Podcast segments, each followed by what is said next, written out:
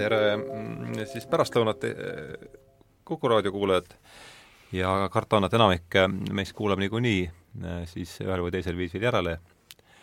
et nende jaoks ei ole vahet, mis see päevaaeg on. eetris on siis järjekordne tähenduste teejuhtide saade ja nagu on kujunenud siis välja niimoodi, et ma tavaliselt, me räägime täna taas ühest raamatust, ja, ja selline rutiin on siis välja kujunenud, ma nüüd loen siit ühe väikese katkendi, sellest raamatust siis räägin, mis raamat on, osad võivad selle juba ära aimata ja siis tutvustame saatekülalisi, siis vaatame, kus see jutt meid viib. niisugune plaan. ei ole vastuväiteid? ei, jah, palun jah ähm,. Nii et siis katkend. aga ma jutustan teile parem oma mullusest kohtumisest ühe mehega. see on iseendast väga kummaline juhtum kummaline selle poolest, et sellist asja tuleb väga harva ette. See mees viidi kord ühes teistega tapalavale ja talle loeti ette surmaotsus, mahalaskmine poliitilise kuriteo eest. paarikümne minuti pärast loeti ette ka armuandmise otsus ja määrati teine karistusmäär. kuid kahe otsuse vahepeal kahekümne või igal juhul veerand tundi kest-, veerand tunni kestel elas ta kindlas teadmises, et ta mõne minuti pärast on järsku surnud. ma kuulasin teda iga kord hirmsa põnevusega kui ta oma tolleaegseid muljeid meelde tuletas. Ja hakkasin mitu korda temalt ise nende üle pärima. ta mäletas kõike erakordse selgusega ja rääkis, et ta nendest minutitest iial midagi ei unusta. paarikümne sammu kaugusel tapalavast, mille ääre, mille ääres seisid sõdurid ja rahvas, oli maa sisse kaevatud kolm posti, sest kurjategijaid oli mitu. kolm esimest viidi postide juurde, seoti nende külge kinni, aeti neile surirüü, valge pikk kürp ja tõmmati valge kott üle silmade, et nad püsse ei näeks. Siis rivistas iga posti juurde ette mõnemeheline sõdurite rühm. minu tuttav oli järjekorras kaheksas, niisiis tuli ta postide juurde, äh, niisiis tuli tal postide juurde minna kolmanda satsiga. preester käis ristiga kõik hukatavad läbi.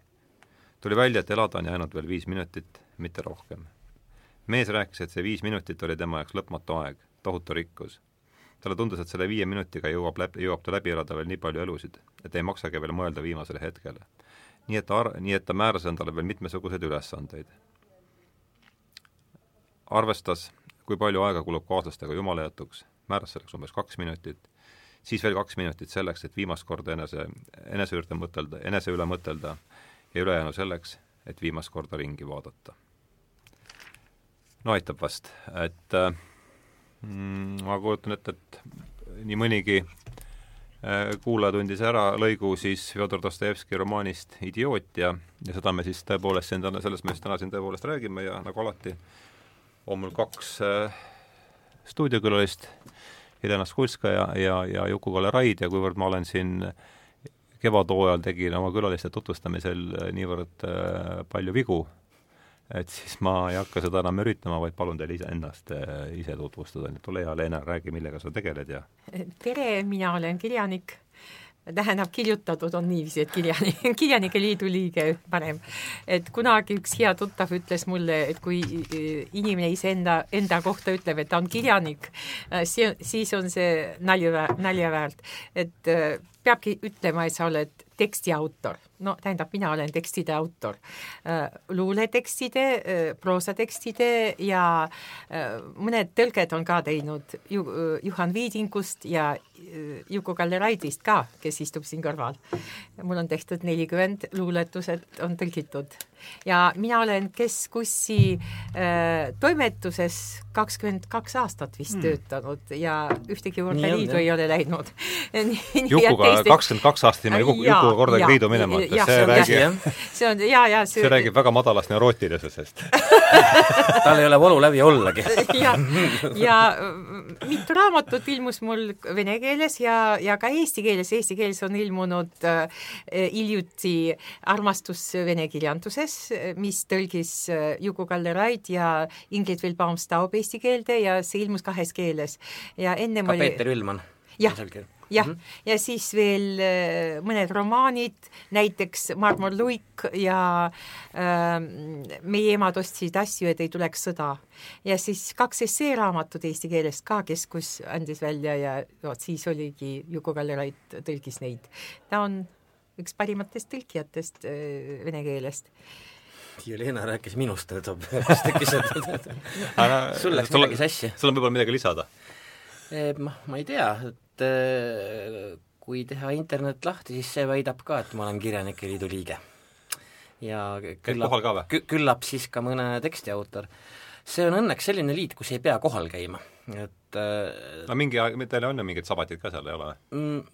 on küll, mingid aasta koosolek, midagi seal on, ma ei ole kunagi käinud, et Aha, et ma arvasin, et käib. ma ei tea, mis seal toimub tegelikult, et seda peaks Helena käest järjekordselt küsima aga jah, no mul on mõned luulekogud ja, ja noh, sarnaselt Jelenale meil ongi selline noh, nagu ise teeme nalja, ise naerame, et mina tõlgin Jelenat, Jelena tõlgib mind ja see on lõbus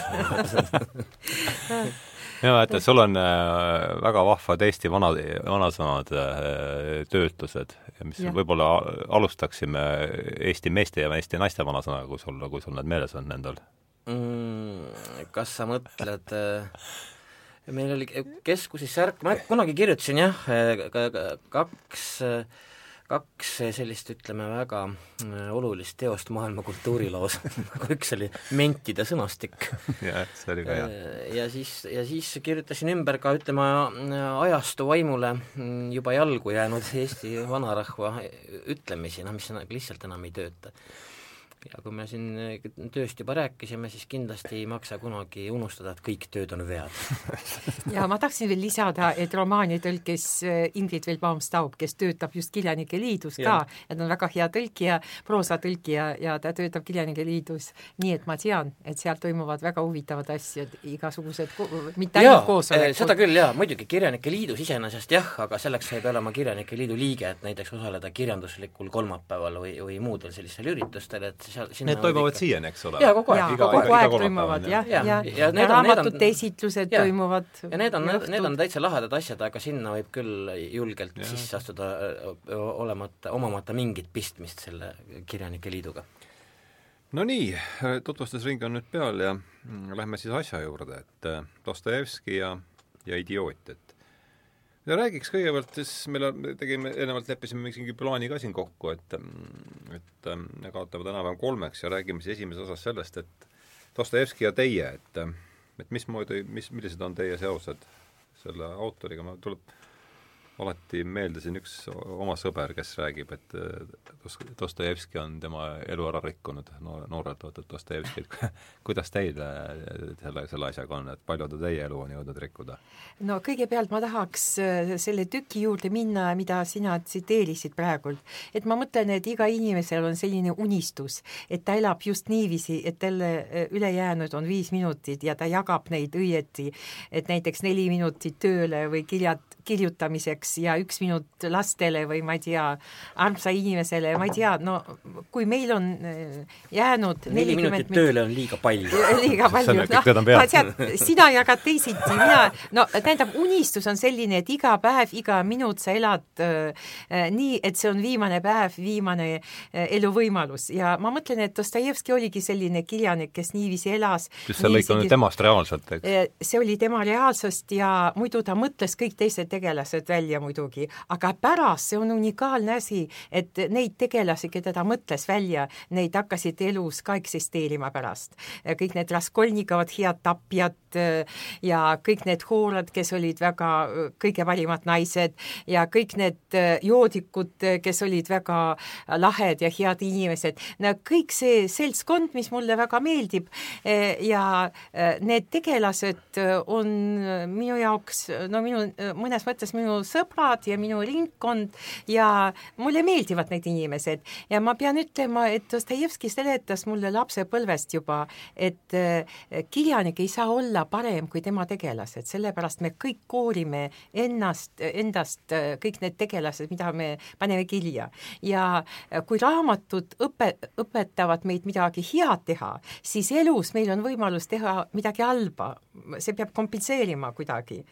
ja vot selline kirjanike elu väga meeldis mulle ja ma valisingi seda elukutset võib-olla Dostojevs-, tänu Dostojevskile, sellepärast et kui loed Lev Tolstoi, siis saad aru, et naine peab abielluma, lapsi sünnitama, istuma, istuda kodus. ja see ongi normaalne elu.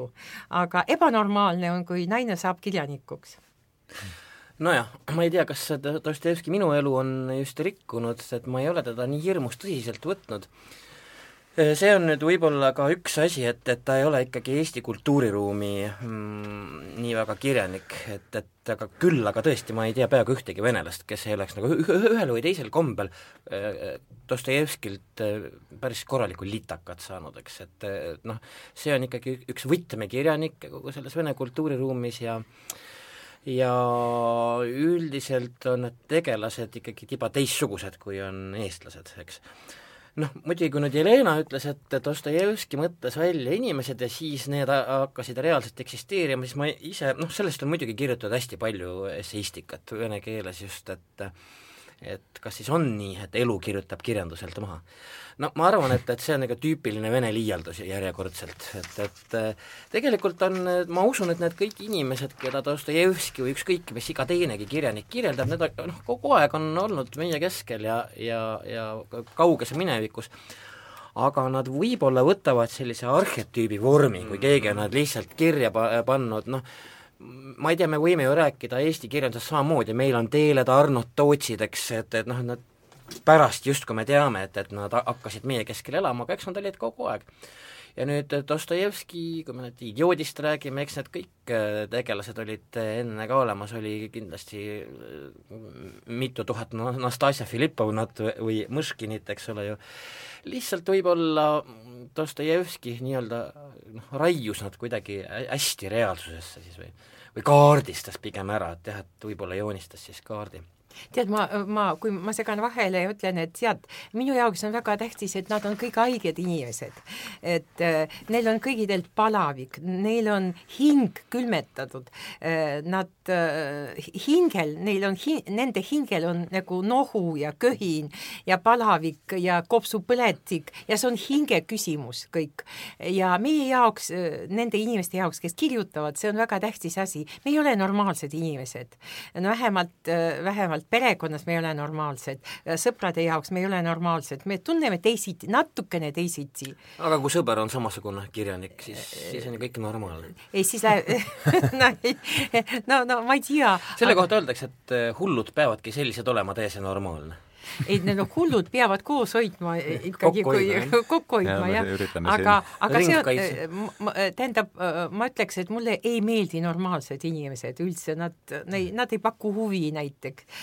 no mulle pakuvad huvi ikka ebanormaalsed inimesed, kummalised, nemad kuidagi teisiti räägivad, teisiti käituvad, neil on teine saatus, mitte biograafia. on inimesi, kellel on saatus ja on inimesi, kellel on biograafia või es-, on selline sõna, eks ju? nojah, et eh, kellel on elulugu lihtsalt. elulugu no,, selles, selles jah, mõttes, et elulugu, teisel on saatus ja Dostojevski inimestel on saatus no tihtipeale vene kirjanduses üldse, mitte ainult Dostojevski, selle hinge küsimusega väga palju tegeldakse, saatuse küsimusega muidugi ka, ja tihtipeale on ju nii, et inimene mõtleb endale ise selle saatuse välja tegelikult, noh, et äh, või puhub selle suureks, kas või noh, enda jaoks või siis oma tuttavate jaoks, no, vaata, puhub selle eriliseks. vaata, kui sa lähed vanglasse, siis see, see ei tähenda, et sina puhusid seda äh, ja tegid suuremaks, et vaata näiteks Trotski läheb, ei, ei, näe, näiteks äh, Aleksander kes käskis naabrimehele nuga anda?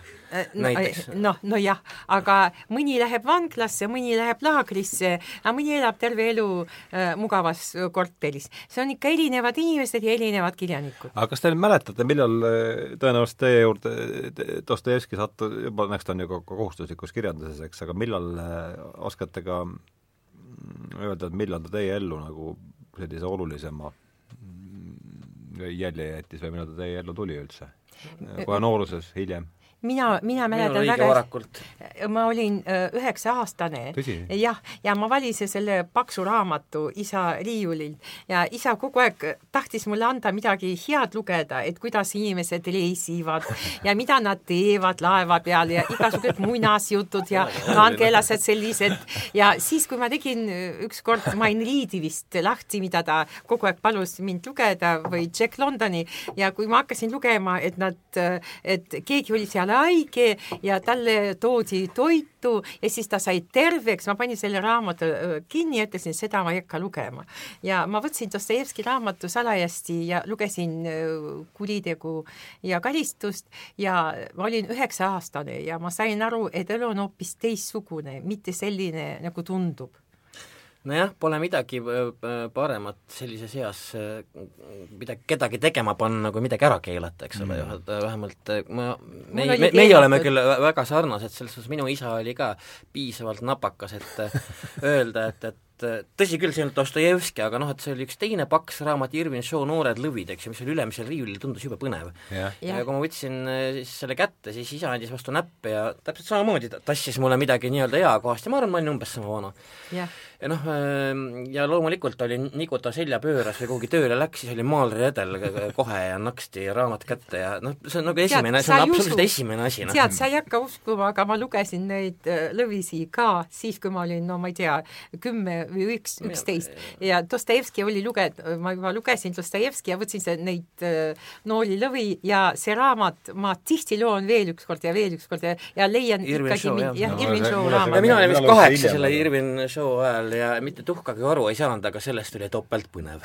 aga nii on muuseas ka tihtipeale täiskasvanud inimestega, et kõik see, kõik see, millest sa pih-, millele sa pihta tegelikult ei, ei saa või noh, see jätab küsimuse üles. see jätab küsimuse üles ja, ja see on igal juhul alati põnev.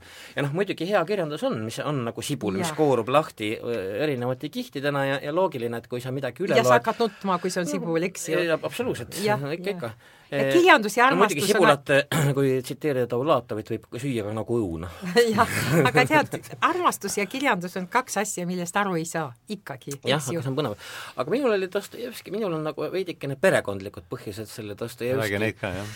Dostojevskiga tutvumisel. Nimelt mu vanaisa Aleksander Raid, kes üldiselt äh, tõlkiski äh, slaavi keeltest kirjandust, noh, serbo-horvaadi, Bulgaaria, Tšehhi, Poola ja nii edasi, nii edasi, ja, ja ka vene keelest ja üks asi, ähm, mille siis tema oli ära tõlkinud, ähm, oli Vaesed inimesed, kui keegi mäletab ja teab niisugust Dostojevski romaani, mis on siis, mis kirjeldab mülgast nimega Sankt-Peterburg, noh mis noh, ongi niisugune tiisikusest vohav, mädast, mäha, mäha, mädapaisetest vohav linn, eks ole ju, kus kõik äh, inimesed on napakad ja, ja, ja kus on alati niiske ja jälk ja noh, selline no, no niisugune korralik nii nagu ta ongi praegu. nii, nii nagu ta on jah, et, et ega üldiselt eks ta on, et nagu vadjalaste sohu ehitatud asi, noh palju õnne muidugi, et see ei saagi teistmoodi olla ja, ja see oli täiesti selge, et, et loomulikult ma siis seda lugesin üldse vanaisa tõlke, no vanaisa suri siis, kui ma olin kaheksa ja, ja selleks ajaks ma olin seda äh,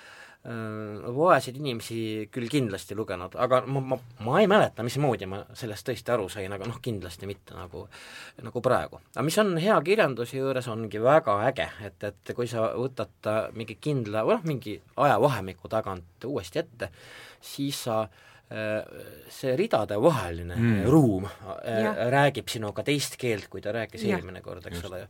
ja võib-olla ongi hea kirjanduse definitsioon, miks ka Dostojevski on hea kirjanik, et see ei ole lineaarne jutustus lihtsalt, noh, et, et äh, mingi A kohtas B-d ja siis nad tegid C-d ja, ja ma ei ja, tea, ja juhtus Ü. et, et jah, mingit sellist narratiivi seal ei ole, vaid põhimõtteliselt on ikkagi hea, hea proosa on ka mõnes mõttes natukene nagu luule, et oluline ei ole see, mis seal nüüd nagu täpselt juhtub, vaid just see ruum, eh, mida sa oled osanud kirjutada ridade vahele. elik, see tühjus mm.. inimene, kes valitseb ridade vahelist tühjust, eks ole ju, noh, see ilmselt on hea kirjanik. Tähendab, Dostojevski tahtis, nagu tol-, Lev Tolstoi tahtis kirjutada kõik ära no,. Äh, ridade vahel ta ei tahtnud mitte midagi panna, aga, aga pani, tuli välja. tuli välja, et ikka pani. aga tegelikult luulevorm on just selline, kus ja. on tühjused kõige tähtsamad.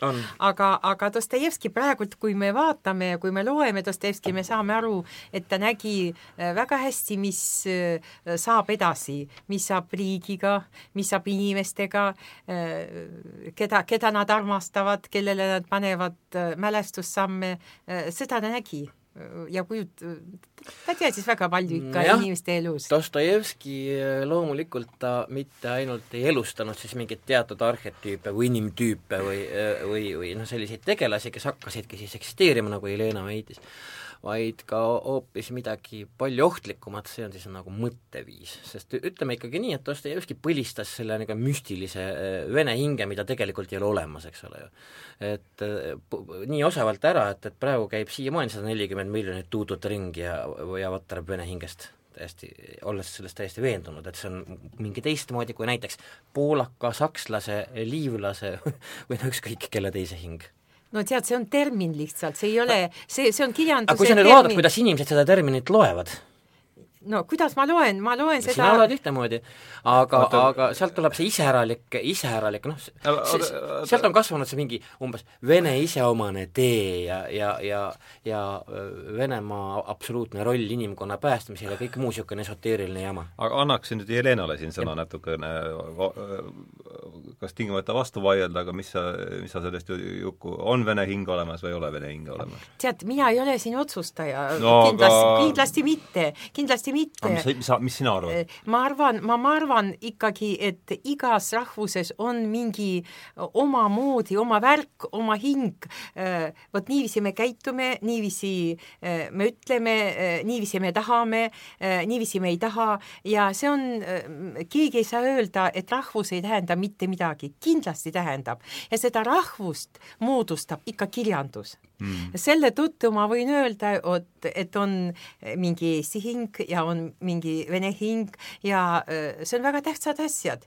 Me ei saa, muidugi nad on terminid, muidugi iga konkreetne inimene ei ole, et no näiteks kui mina ütleks, et mina olen vene kirjanik, see ei tähenda, et ma olen hea kirjanik või et mul on mingi eriline hing või nii edasi, nii edasi. Ja kui Juk ütleb, et tema on, vot mina olen Eesti luuletaja, see ei tähenda veel mitte midagi. vaatame neid tekste, vaatame neid teksti, aga kui võtta kokku, mis meid kasvatab, eh, eh, see on ikkagi, eh, ma ütleks, et vene kirjandus on ikka, seisab selle õigeusku peal.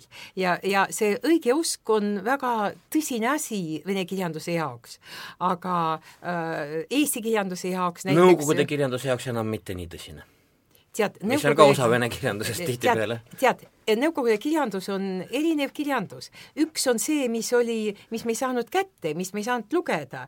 ütle, kas Mandelstam on ka või Bulgakov on ka Nõukogude kirjanik või ei liigitaks? ei, ei Äh, ei, ei., aga, aga Nõukogude ajal ja Stalini ajal oli kirjutatud nii palju häid asju. Äh, nad olid kirjutatud Pariisis või vanglas või laagridest või kuskil äh, teises ruumis. ma ei räägi nendest, mis olid avaldatud, eks ju. ma räägin, millest inimesed mõtlesid ja, ja see, see oli väga, väga tähtis asi.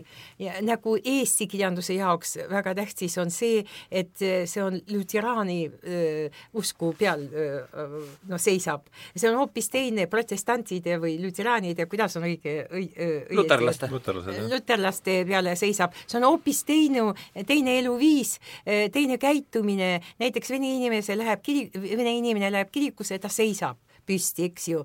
eestlane tuleb ja istub eks ju. kui selle... üldse sinna läheb, eestlane ei lähe kirikusse. ja kui ta läheb, siis ta istub ja tema vestlus Jumalaga on selline inimlik, väga inimlik, aga äh, nagu venelase jaoks see on äh, mingi ülemus, iga, iga institutsionaalne värk jah mm, -hmm. ja, ja tähendab, äh, eestlaste jaoks kõige tähtsam on horisontaalsed suhed, horisontaalsed suhed, et mitte selline, et mina olen ülemus ja mina siis kohe olen targem mm -hmm. ja andekam kui sina, sellepärast et sa, äh, sa, mina olen sinu ülemus, aga vene hinge jaoks ikkagi see, kes kõrgem seisab, see on mõnes mõttes ikka ma tunnen, et on natuke ikka minust targem ja ikkagi paremini saab aru, mida peab tegema. niisugune pagunite värk. Eh, on, on, ja see on südames nagu ja eh, sellest kirjutasid väga paljud Eesti kirjanikud, näiteks Gogoli Akagi Akakevitš Ženellist ongi niiviisi, et ta pidi ära surema, et tagasi, et eh, kätte maksta sellise inimesele, kes karjus tema peale. see oli suur tähtis inimene ja ülemus vene äh, inimese jaoks on väga tähtis äh, selline persoon, äh, temast mõeldakse väga palju, tema iseloom on väga tähtis, Dostojevski jaoks ka. No,. milline ta on, kui ta karjub, see on väga tähtis, kui ta vaikselt räägib, see on, toob veel rohkem hirmu, aga ma ei ole näinud, et Eesti noh, asutustel on see väga tähtis, et kes on ülemus, et kas ülemustega käit-, käitutakse teistmoodi ülemus on alati tõbras. Ei, no ma tean, no, no see on, see on teine aga võib-olla vaatame sedasama asja nagu teise kandi pealt, et see küsimus on praegu üleval, et kas on eriline vene hing olemas või mitte, et ütleme, et küsimus on praegu lahtine, eriline Eesti hing, aga et läheks sellele samale küsimusele teise nurga alt, et et mis on need suured küsimused, mis Dostojevski juures jäävad no Dostojevski on see võtame ma korraks lihtsalt tulles selle hinge rahvuse juurde tagasi, et noh, et kui nüüd ma ei mõtle, et rahvusel ei ole mitte mingit tähtsust, siin paar minutit tagasi sa ütlesid, et loomulikult on. Ja, ja mingi teatud ütleme, kollektiivne noh, niisugune kirjutamata mõtteruum, mis tuleb ja. siis kultuurist mm., ajaloost, eks ole, see on kindlasti, kindlasti. olemas absoluutselt, et ma üldse ei, ei vaidlegi vastu. ja ärgem unustagem, jah, sina ütlesid, et see on nagu, et noh, vene siis rahva hing on kindlasti seisab kirjandusel. Eks Eesti oma ka luulele kirjandusel suures osas, kui me nüüd vaatame, kui tähtsat rolli on meil, meie ajaloos luule mänginud tegelikult üleüldse, siis täiesti kindlasti seisab. Ehm, aga mis on oluline jah, et, et ehm, keel annab ju tegelikult selle, ütleme, mõttestiili võtme kätte. Ehm, e. E sa mõtled keeles alati teistmoodi, ma absoluutselt olen veendunud, et, et iga venelane mõtlebki teistmoodi kui äh, eestlane, sellepärast et üks keel võimaldab ühte tüüpi mm. mõtlemist, teine keel võimaldab teist tüüpi mõtlemist. Mm.. muuseas, noh, me võime minna täiesti äh, hästi labaste palju äh, teada asjade kallale, nagu näiteks soo, sugude puudumine eesti keeles, tuleviku puudumine ja nii edasi, need kõik on mingid märgilised asjad kindlasti, mis siis iseloomustab noh, ütleme, mingil moel ikkagi seda kentsakat kollektiivi, keda me nimetame Eesti rahvaks, eks ja tead, aga need, need on väga, väga tähtsad asjad, sellepärast et näiteks äh, ükski inimene ei saa õppida, kui ta õpib eesti keelt, kui see ei ole emakeel. ükski inimene mm. ei saa seda õppida nii, et sa ei tunne ära aktsendi ja sa kohe, iga eestlane tunneb äh, äh, seda võõrast äh, hääldamist, et äh, on see tore aktsent või halb aktsent või, või äh, see aktsent vihastab sind või äh, vastupidi, sa ütled, oh, ainult kakskümmend aastat õppisid ja said juba hakkama, ütled isa, ema ilma aktsendita. On... see on väga tähtis asi, näiteks Ameerikas see ei tähenda ei, mitte midagi. ja ega Venemaal ka ausalt öeldes väga palju Absoluut, ei tähenda, sellepärast et kui me nüüd võtame selle hiiglasliku territooriumi ja, ja mõtleme, millist vene keelt räägitakse põhjas, millist lõunas, millist ida pool. Nad ei saa aru, aga tead, ma ei pruugi üksteisest aru saada, see on sama vene keel, aga, aga, aga, aga kes ütleb G asemel H ja nii edasi ja nii edasi, eks ole. aga vaata, äh, kui võtta nii suurelt, et see vene keel on nagu ookean, ta ise otsustab, kuidas ta areneb, mis ta teeb ja nii edasi, nii edasi. Eesti keel on ikka see keel, mida Eesti keel on äh, nagu tormveeglaasis. ei, ei ta, ei, ma ei taha niiviisi öelda, ma ütlen, et iga eestlane nagu tunneb vastutust selle eest, et ta peab teadma oma keelt hästi, oma kirjalikku keelt, ta peab oma kirjanikke lugema, ta peab äh, ostma raamatuid, mis on kirjutatud eesti keeles, äh, ta peab hoolitsema oma keele eest näiteks mina kadedusega äh, vaatasin ükskord, kus mingisugune transparent või midagi oli kirjutatud ilma, seal koma puudu, puudus ja inimesed hakkasid kirjutama, et vot selles transparandil ei olnud seda komad ja pärast äh, linnavalitsus või ma ei mäleta, kes see oli, või riik vahetas neid transparentsi ja raiskas väga palju raha, pani selle koma sinna sisse, et see koma jäi. Pole see... midagi, internet hoolitseb selles, et kõik ei. komad kaovad tasapisi ära ka eesti keeles. üldse kõik kirjamärgid. väga, väga, väga, väga suur, ei, ei, see on väga suur vastutus oma keele eest, et sina, sina vastutad, et see eesti keel äh, äh peab elama ja jääb ellu ja on rikas ja ilus äh, ja, ja kunst eksisteerib ka eesti keeles. tähendab, mina nagu vene kirjanik sellest ei mõtle, sellepärast et venekeelne ookean on niikuinii olemas, et selle, selle tõttu muidugi, kui sa mõtled ja väljendad oma mõtted, sa mõtled selle peale, et ka, et sinu keel peab rikas olema ja luule peab olema eesti keeles nagu keelenorm ma, ma olen kindel, et no keelenorm on luule. Ja vaata, praegult Eesti luule on väga heas tasemel, et luuletajaid, häid luuletajaid on väga palju. Ja see luule, mis on proosa ja luule vahel, mis mulle kõige rohkem meeldib, see on nagu vene keeles on esseistika, luule esseistika, see eksisteerib Eestis väga, no väga hästi, väga, no tahaks seda tõlkida, aga kirjastus ei võta, aga tahaks neid kirju tõlkida, sellepärast see on on unikaalne hoolitsemine oma keele eest.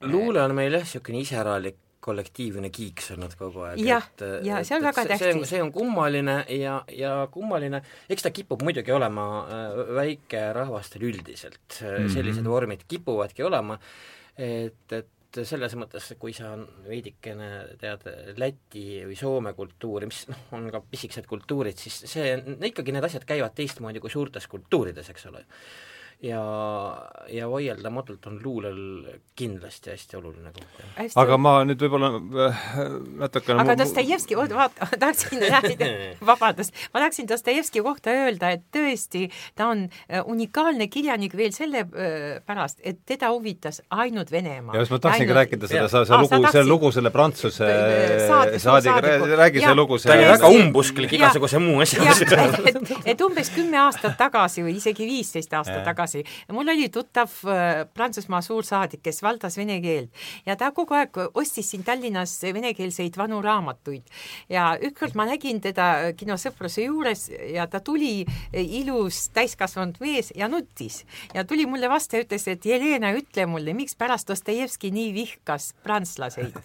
et äh, ta, tal oli Dostojevski vana raamat käes, ma ütlesin juudi ja sakslasi ja poolakaid kõike. ja nii edasi, kõike et ainult venelased olid poolakatega oli muuseas eriline eriline, eriline äh, viha ja, ja, ja siis ma sain aru, et prantslane loeb Dostojevskis ja näeb, et Dostojevski vihkab prantslaseid. Äh, juudid loevad ja näevad, et äh, ta vihkab juudi. meil eestlastel on vedanud, sellepärast et ega nii pisikene rahvas, et, et, et Dostojevski ei märganud vihata meid lihtsalt. jah, tähendab, teda isegi, ta ise kirjutab, et kui ta rongis sõidab mööda Saksamaalt, ta ei vaata aknasse, teda ei ei huvita, mis seal teistel maal äh, juhtub ja mis neil on, et tema mõtleb ainult äh,, ta ei tahtnud, et teda teatakse väljaspool äh, Venemaalt. paradoksaalselt on ta nüüd kõige jah, aga ta on kõige tund-, kõik teised muretsesid selle eest, kõik teised unistasid sellest, aga mitte kõigidele vedas, no näiteks Dostojevski oli küllaltki kitsarinnaline taat, et, et ja, äh, ikkagi noh, tõepoolest, et, et ütleme hu, hu, huvikesed olid niisugused ahtakesed, eks ole. no ütleme, kui see ka kui see välismaa asi ei olnud kasiino ja, ja tead, see kasiinos, kui võtta seda ja, ja aga tead, kui võtta seda kirjavahetust tema naisega sellest kasiinost, eks ju yeah., et, et müü maha see, müü maha see, müü maha see ja täna lähen mängima viimast korda elus, täna lähen mängima viimast korda elus. aga tähendab, ikkagi üks lääne asutus talle huvi pakkus, ma tahan seda öelda, et, et kui teda, teda ei huvitanud Saksamaa maastik ega, ega muud kultuurid, rääkimata siis inimestest, siis kasiino oli see, mis pälvis seda aga, väga, väga suure tähelepanu. aga kuidas te nüüd ikkagi selgitaksite seda, et vihkas kõiki ja huvitas teda ainult Venemaa ja nüüd on ta noh, võib öelda ikkagi kõige tuntum äh, vene autor äh, maailmas. kuidas te seda nagu paradoksi selgitaksite? ma mõtlesin, siin ei ole mingit paradoksi, et geenius on palju suurem kui inimene mm.. et ta võiks ükskõik, mida ta kuulutas välja, kuulut-, kuulutas välja, aga ta ütles, et mind huvitab ainult Venemaa, aga tema geenius oli kuskilt mujalt tulnud ja ise te teadis, mida kirjutada see ei ole muuseas ju Dostojevski puhul ainukene, et ei, jah, et, et, et lõppkokkuvõttes noh, niisuguseid paradoksaalseid värke on ju täis kogu, kogu maailma kirjandus just nimelt, et et noh, näiteks see on siis iga kord, kui sa loed midagi, ei loe sa midagi muud, võiks selle kohta öelda, näiteks minu, tundus täis suvalise näite, Mark Twain, eks ole, kes on mm. kirjutanud ja. säravaid iroonilisi epiteete, esseistikat, Mississippi ajalugu, kõik üks ägedam ja šikim kui teine, väga säravalt terav noh, peaaegu et poliitik, poliitiliselt suhtuv kogu maailmasse ja inimhinge iseäralikesse omadustesse, aga kõik teavad ikkagi Tom Sawyerit, noh, et noh, et selles mõttes see on veidikene samasugune asi, et, et, et jah, tõepoolest, et Dostojevski ei sallinud midagi peale Venemaad, aga, aga sellest hoolimata tõepoolest ta on seda, ta on, ta on nagu ütleme, nii võluval moel kõike seda mitte sallinud, see, see ei jää ette ilmselt inimestele. me ei mõtle selle ja selle kaudu leidnud, selle Vene kaudu leidnud siis mingi üldinimliku plaani tõenäoliselt? jaa, üldinimlik plaan on seal kindlasti olemas ja, ja teine asi, noh et, et ma nüüd ei tea, seda härdameelset Prantsuse saadikut, kes, kes ilus ja täis, ilus ja täiskasvanud mehena Tallinna vanalinnas nutab Dostojevski pärast, noh, see kõik on võimalik ju enam.... sa ei usu mind? ei, ma usun, usun, miks ma ei usu, et, et see on väga prantslaste moodi ka muuseas, et, et, et veidikene nurga taga pisaraid et no vaata, sina aga... nagu hakkad nüüd vihkama ei, ei, ei, ei, seal on, miks, seal on te, teised asjad ka, et, et ega ega siis äh, inimesed, kes ühe või teise Dostojevski raamatu noh, kätte võtavad, ma mõtlen inimesed, kes ka kirjandust veidikene jagavad või sellest peavad või selle, kui sellest kui vormist, siis nad noh, enamasti on ta poolakas või sakslane, ta enamasti ei mõtle, et, et see tõbras solvas meid, eks ole ju noh. no ei ole, et, et see on pigem selline, ütleme, vene stiil, kes väga tähelepanelikult vaatab, et Venemaad ei solvataks, pigem niipidi no, ma ei tea ma ei tea. noh no,, tegelikult tead küll, et, et, et ütleme, eriti kui kusagilt lääne poolt tuleb mingi kriitika, siis venelased tihtipeale õudselt valulikult võtavad. ja ma, ma just mõtlen, ma räägin just kirjanikest ja, ja, ja kultuuriinimestest, eks et see, seda on täiesti korralikult ette tulnud. ma usun, et ka äh, sinu äh, tutvusringkonnas ja, ja ka teatritöö ajal ja nii edasi. aga teeme siis niimoodi, et tõmbame sellele esimesele mm, osale joone alla, et me rääkisime Dostojevskilt üldisemalt, ma loen selle, mulle väga meeldib see lõik, see, ja loeks selle lõigu lõpule ja siis sellega räägime natuke konkreetsemalt juba idioodist. kuidas see mõte? idiootidest on alati mõnus ja, rääkida. jah niisiis jätkan sellest, umbes sellest samast kohast, kus ma siis pooleli jäi. tal oli selgesti meeles, et ta, et ta just need kolm ülesannet määras ja just nii arvestas. ta pidi surema kahekümne seitsme aastasena, terve ja tugeva mehena. kaaslastega jumala jättes esitas ta ühele neile võr-, võrdlemise kõrvalise tähtsusega küsimuse, nagu ta mäletas, ja oli vastusest vägagi huvitatud. kui ta oli kaaslastega jumala jät-, jumalaga jätnud, algasid need kaks minutit, mis ta oli määranud selleks, et enese üle mõelda ta teadis ette, millele ta mõtleb, ta tahtis võimalikult kiiresti ja selgesti endale aru anda, mis siis nüüd sünnib. praegu ta on ja elab, aga kolme minuti pärast on ta juba miski. kas keegi või miski, mis siis õiesti ja kus? kõik selle mõtles ta kahe minutiga lahendada. sealsamas kõrval oli kirik ja kullatud kupli, kuppi tipp sädeles heledas päikesepaistes. ta mäletas, et vaatas üksisilmi kiriku katust ja sellest peegelduvaid kiiri ta ei saanud neid pilku ära pöörata, tal oli tunne, et need kiired on tema uus olemus. et kolme minuti pärast sulab ta mingil moel nendega ühte. hirmus oli teadmatus ja vastuseis sellele uuele, mis oli tulemas ja mis pidi kohe algama, aga ta rääkis, et mitte miski polnud talle tookord raskem kui lakkamatu mõte.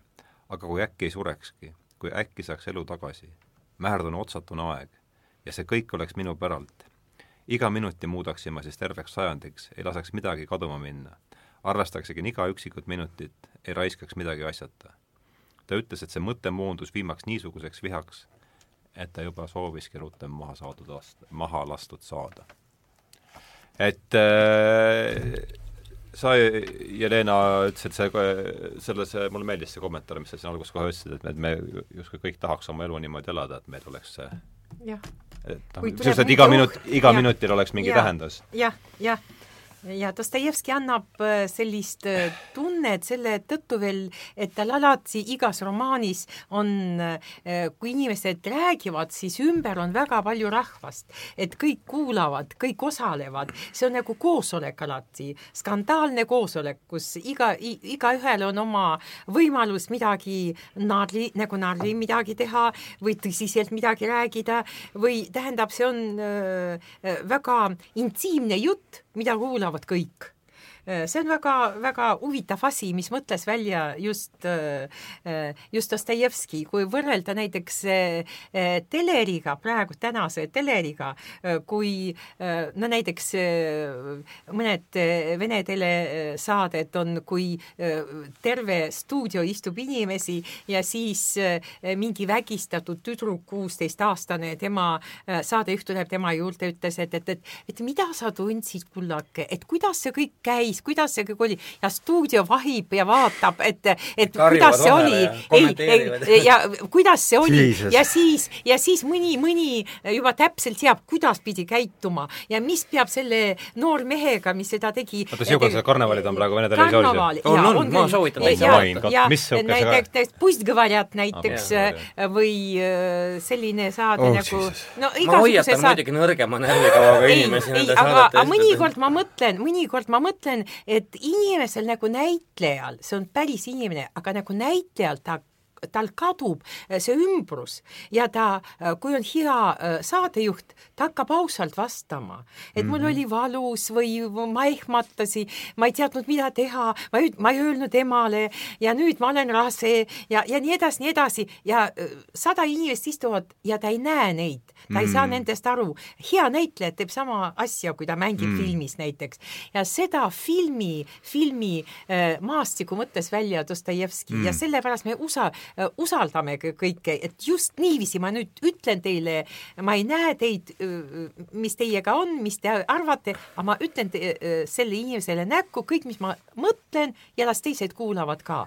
ja see on väga tähtis Dostojevski jaoks. äh, ja no muidugi see, et et kõik äh, kuulajad ei ole tõenäoliselt, tõenäoliselt Dostojevski biograafiaga nii tuttav, et see on nüüd reaalne Dostojevski isiklik kogemus, see oli just, see, see on tal otseselt maha, maha kirjutatud- ja et see- kirjutatud see riigivastase tegevusest oli surma mõistetud ja mis asendati siis äh, ja, ja see täpselt ja- nii juhtus siis temaga, et see on võib-olla kasulik ära mainida siin. no kõigepealt, kui sa mul seda ette lugesid, siis ma tabasin ennast elus esimest korda mõttelt, et jah, ta, ta, oli kahekümne seitsme aastane, eks ole, kui see, kui see juhtus ja noh ta oleks ühinenud tuleviku kahekümne seitsme klubiga, Jimi Hendrix, Janis Joplin Kurt Cobain.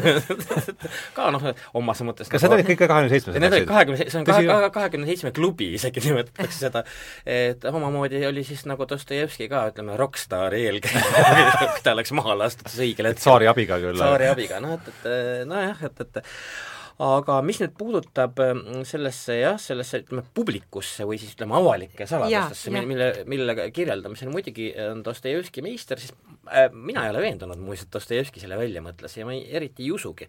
ma arvan, see on küllaltki omane äh, kollektiivsetele kultuuridele üldiselt, et, et ikkagi kõik naaberheidjad äh, kogunevad äh, ütleme, perekondlikult ja ka mitteperekondlikult tähtsal momendil kaminasaali ja ku- kuulavad üle asjaomased tüübid, noh, nagu Ilfele Petroul oli Kaarna küla, eks ole ju.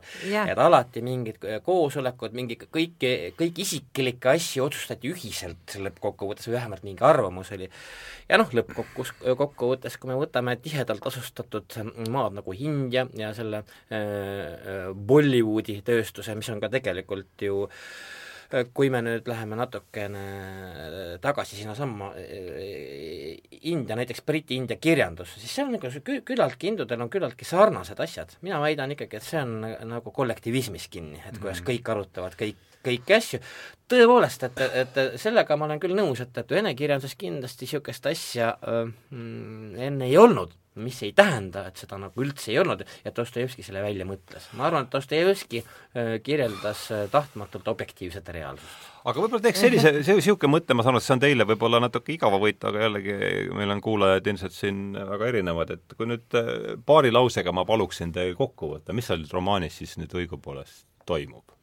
Jelena, ole hea, tee sina, tee sina otsa No, no,, et no, no, lühidalt äh, see, kuidas see on see mitte järgnevad kaks tundi. see on see Monty, Monty Pythoni Summarizing Bruce Contest Jah. näo, ei, ei ma vähe, väga lühidalt ja. räägin, et äh, väli, välismaalt tuleb haige inimene, kes äh, seal sai ravimit ja tal on nagu Dostojevskigi epilepsia, on see eesti keeles ka Jaa, epilepsia? jah, jah, ta on väga haige ja ei tea, kui kaua ta on terve ja tal ei ole raha raha, ta satub Peterburi, mingid sugulased, kauged sugulased on ja ta on nagu vaene inimene väikse, väikse kotikesega, tuleb sisse, istub pärast, aga ütleb, et äkki juhtub niiviisi, et võib-olla ma saangi palju raha ja äkki saab teada, et ta saab miljoneid raha tegelikult ja ta kõige, kõige rikkamaks, eks ole. jah, ta, saab kõige rikkamaks ja seal perekonnas, sellel peal, perekonnas üks väga ilus äh, Aglaia äh,, seal on kolm tütret ja äh, kõige ilusam nendest ja kõige noorem armub temasse ja tema armub äh, äh, Lev äh, Mõškin, väga räägiv äh, nimi äh,, Lev nagu lõvi, eks, ja Mõškin nagu hiir, hiir ja kokku tõmmatud, aga ta näeb ka Anastasia Filipovna portree seal ja ütleb, et sellist ilusat, teise, teine naise, ta ütleb, et sellist ilusat naist ta ei, ta ei, ta, ta ei ole maailmas näinud. ja pärast ta saab teada, et tal on võimalus päästa teda. et ta, ta, ta ei pea, et see Anastasia Filipovna ei pea abielluma raha pärast või temale annavad raha ja siis ta saab korralikuks naiseks, ta oli ühe rikka mehe armuke, aga nüüd ta saab öö, abielluda ja temale antakse seitsekümmend viis tuhat rubla ja, ja vot selle ümber käib käibki see jutt, tema õudselt armastab üks õudne inimene Ragužin ja lõppude lõpuks Ragužin tapab teda ja tema, see naine, Nastasia Filipna, jookseb Mõškini ja Ragužini vahel. Mõškiniga ta ei saa olla, sellepärast et Mõškin on ideaalne kuju ja ta on Jeesus Kristus ja tema, ta ei saa tema elu rikkuda. Ragužinit ta ei saa, Ragužiniga ta ei saa elada, sellepärast et ta lihtsalt ostis teda ja ta ei taha temaga ka olla. Ja ta tahab ainuke, ainus asja, mida ta tahab, et teda, teda keegi tapab. Ja lõpp, ta, ta saabki seda kätte, teda tapetakse. aga Aglaja armastab Mõškinit, aga Mõškin armastab Aglajat, aga ta ikkagi nagu Jeesus Kristus, ta peab päästma just seda teist naist. Ja lõppude lõpuks ta läheb lihtsalt hulluks. Ja nad kolmekesti jäävad lavale nii-öelda, et Rogož, Ragožin, kes tappis Nastasia Filipovnat, Mõškin, kes istub tema juures nagu vend ja nad kolmekesti, kolm laipa, võib niiviisi öelda, jäävad sinna peale ja ongi kõik, et kas Jeesus Kristus võib maailma ilmuda nagu Lev Mõškin, mida Dostojevski katsus teha. ja see kats... koos oma vigadega. koos oma vigadega, sellepärast et see tõde ja õigus, mida ta toob maailma, kellelgi ei ole tarvis kõik, kõik, keegi ei taha seda teada. ta ei, ta ei too midagi head maailma. jah, et, et seal on küll see, et ilu, ilu, ilu, et ilu päästab maailma, aga me kõik saame aru, et see on täiesti asjatu. aga et... väga tähtis asi, et seda keegi, seda ütleb Aglaja, et ära sina nüüd, Mõškinile ta ütleb, ära sina ainult ütle minu vanematele, et äh, ilu pääseb, jah, ja teinekord ütleb seda Rogožin, et nagu Mõškin olevat öelnud seda tegelikult ise Mõškin seda ei räägi ja Dostojevski seda ei räägi. Nad räägivad, et äh, ilu on õudne jõu jaa, ilu on õudne jõud, jah, no ühesõnaga seda ütleb, seda ütleb Dmitri Karamazov, see, see ilu on kohutav asi, et on ähm, jaa, see on no, see, see käib tal läbi, see käib tal läbi terves loomingus. üldiselt mängib jah, et, et selle, sellega ikkagi mitte, mitte ainult ühes-kahes ega isegi kolmes kohas, vaid ja. ikkagi ja siis võiks rääkida jah, et üldse idioodi koht nagu tõsta, no, on sul veel, on sul lisada veel selle no, see kuna Jelena ju noh, põhimõtteliselt seletas selle nii-öelda tegevusliini lahti, nagu me siin selle saate alguses juba, juba enam-vähem jõudsime konsensusele, et, et, et Dostojevski on kirjanik, kus see noh, story iseenesest see ei ole oluline, sest muidu ma võiksin öelda eh, lihtsalt ühe lause, ütleme, kui ma peaksin niisuguse Proust contesti eh, laadse lause tegema, siis ütleme siis eh, epileptikust meestuhkatriinu lugu Jeesus Kristusena see on päris ja, hea kokkuvõte tegelikult. jah, jah, aga, aga ja, minu see... jaoks kõige tähtsam on see, et et Jeesus Kristus oli ikka noh, see inimene, kes pidi või see Jumal, kes pidi meid kõik päästma, aga mingit no seal on paralleelid piibliga päris tugevad, sest me teame, eks ju, kui, kuidas Jeesus Kristus ja. nuttis verd ja, ja kannatas ja ahastas, eks ole ju, ja tegelikult küllaltki sarnaseid asju, kui nüüd tähelepanelikult selles võtmes seda ja Jah. seda raamatut lugeda, siis, siis need elemendid on Mõskini elus kõik absoluutselt olemas. Ja mis on seal eriti oluline veel minu arvates, on seesama Holbeini maal, mis, mis, kui, mis kujutab Kristuse hauas, eks. kus nad ütlevad selle maali juures võib usu kaotada, seda ütleb üks, kes ütleb seda Rogožin järsku. Rogožini kodus on see Jah. maa Rogožini kodus just Rogožini kodus on see täpselt, on see, just- see just, maal jah, ja jah. nagu tema isa, kui ma, ma ei eksi, just. tema isa ostis ja, Jah, ja see on õudne, õudne maal, kus on näha, et Jumal sureb mm -hmm. et jah, jah, et ta ei jää ellu ja tegelikult tegu-, tegelikult, tegelikult me ei saa, no Dostojevski kogu aeg küsib, et kui Jumal on, siis on mingid reeglid ja mingid asjad on keelatud, kui Jumalat ei ole, siis kõik on lubatud. ja tähendab, selles romaanis Jumal tuleb mõnes mõttes ja see ei pääse mitte midagi ja mitte ei päästa kedagi. midagi ja, ja ka Mitte ütleme siis ka Jumal on aga ja kõik- on ka raamatu lõpus ikkagi täitsa vaimselt hävitatud, eks ole Jaa, ju. jaa. ja, ja ütleme Läheb- läheb ristile siis selle mõte on nagu võib-olla ka see, et, et noh, siin võib ju igasuguseid paralleele tõmmata, kes on viitsinud muuseas lugeda ka maailma kirjandust, essayistikat, siis mõned lähevad päris kaugele, aga et ütleme siis eh, nii, et nii-öelda siis noh, omal, omal kombel eh, see Filippovna surm ja kogu see asi lööb ju Mõskini risti, aga ülestõusmist ei järgne.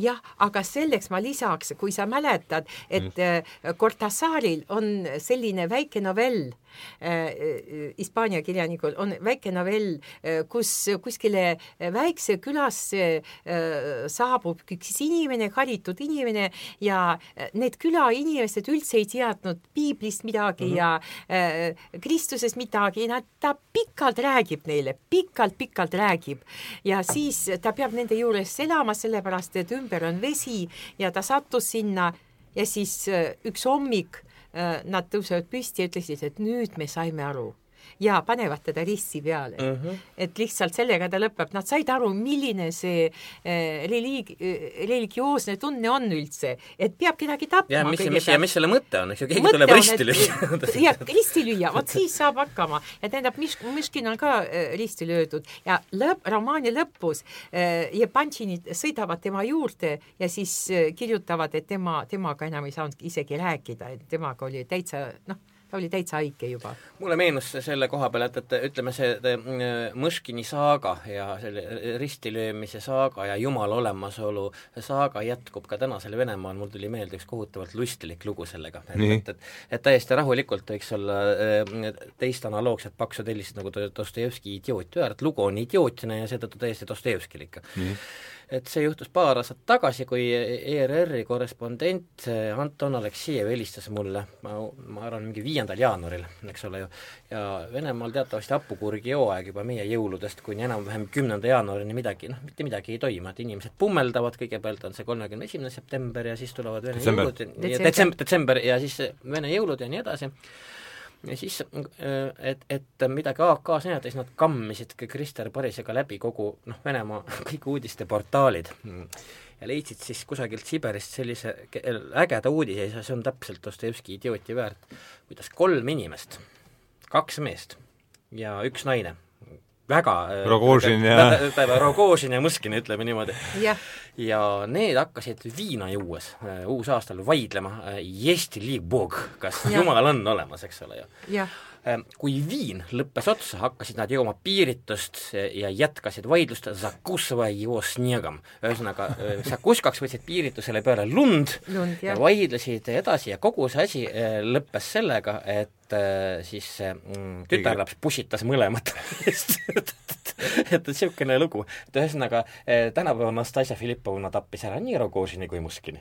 jah, tead, tead paralleelid missugused, eks ole? Ja tead, paralleelid on sellised, ma tead, ma lisaks ka, et äh, ikkagi meil ta-, tasukaalu oleks, ma lisaks, et seda, mis ma näen oma aknast, kesklinnast, et meil Eestis juhtuvad täpselt sellised mm, asjad, kui ma, ma, ma, ma vaatan aknasse, mis seal, sellepärast et äh, ma kuulan kõik neid sõnu, nad nii väga hästi, väga hea akustika on mõeldud seal äh, Vilde mälestussammu juures ja Niguliste kiriku juures ja kuidas inimesed vestlevad äh, teist, üksteisega, kuidas nad kaklevad, mis, kuidas neil käib see armastus pingi peal. see on, see on sul hästi kuulda ja näha kõike. kõik on, ma tahtmata ma näen ja kuulan ja mõtlen, et Dostojevski elab Eestis ka, mitte ainult Venemaal. ikka elab, muidugi, muidugi, eks ei, ei noh, esiteks see, aga see niisuguse kolm kolmnurga värk on ju hästi tavaline ja, ja lihtsalt Dostojevski Mm. üritab sinna siis seda noh, vast neljandat mõõdet Just, siis Jumala näol eh, sisse külge aga pookida. nüüd ütleme, jällegi võib-olla inimesi, kes ei ole nii asja äh, selle Dostojevski ja kõige nii hästi kursis, et idioot see on üks osa sellest pentateuhist või suurest, suurest viisikust, et, et mil määral ta teie arvates on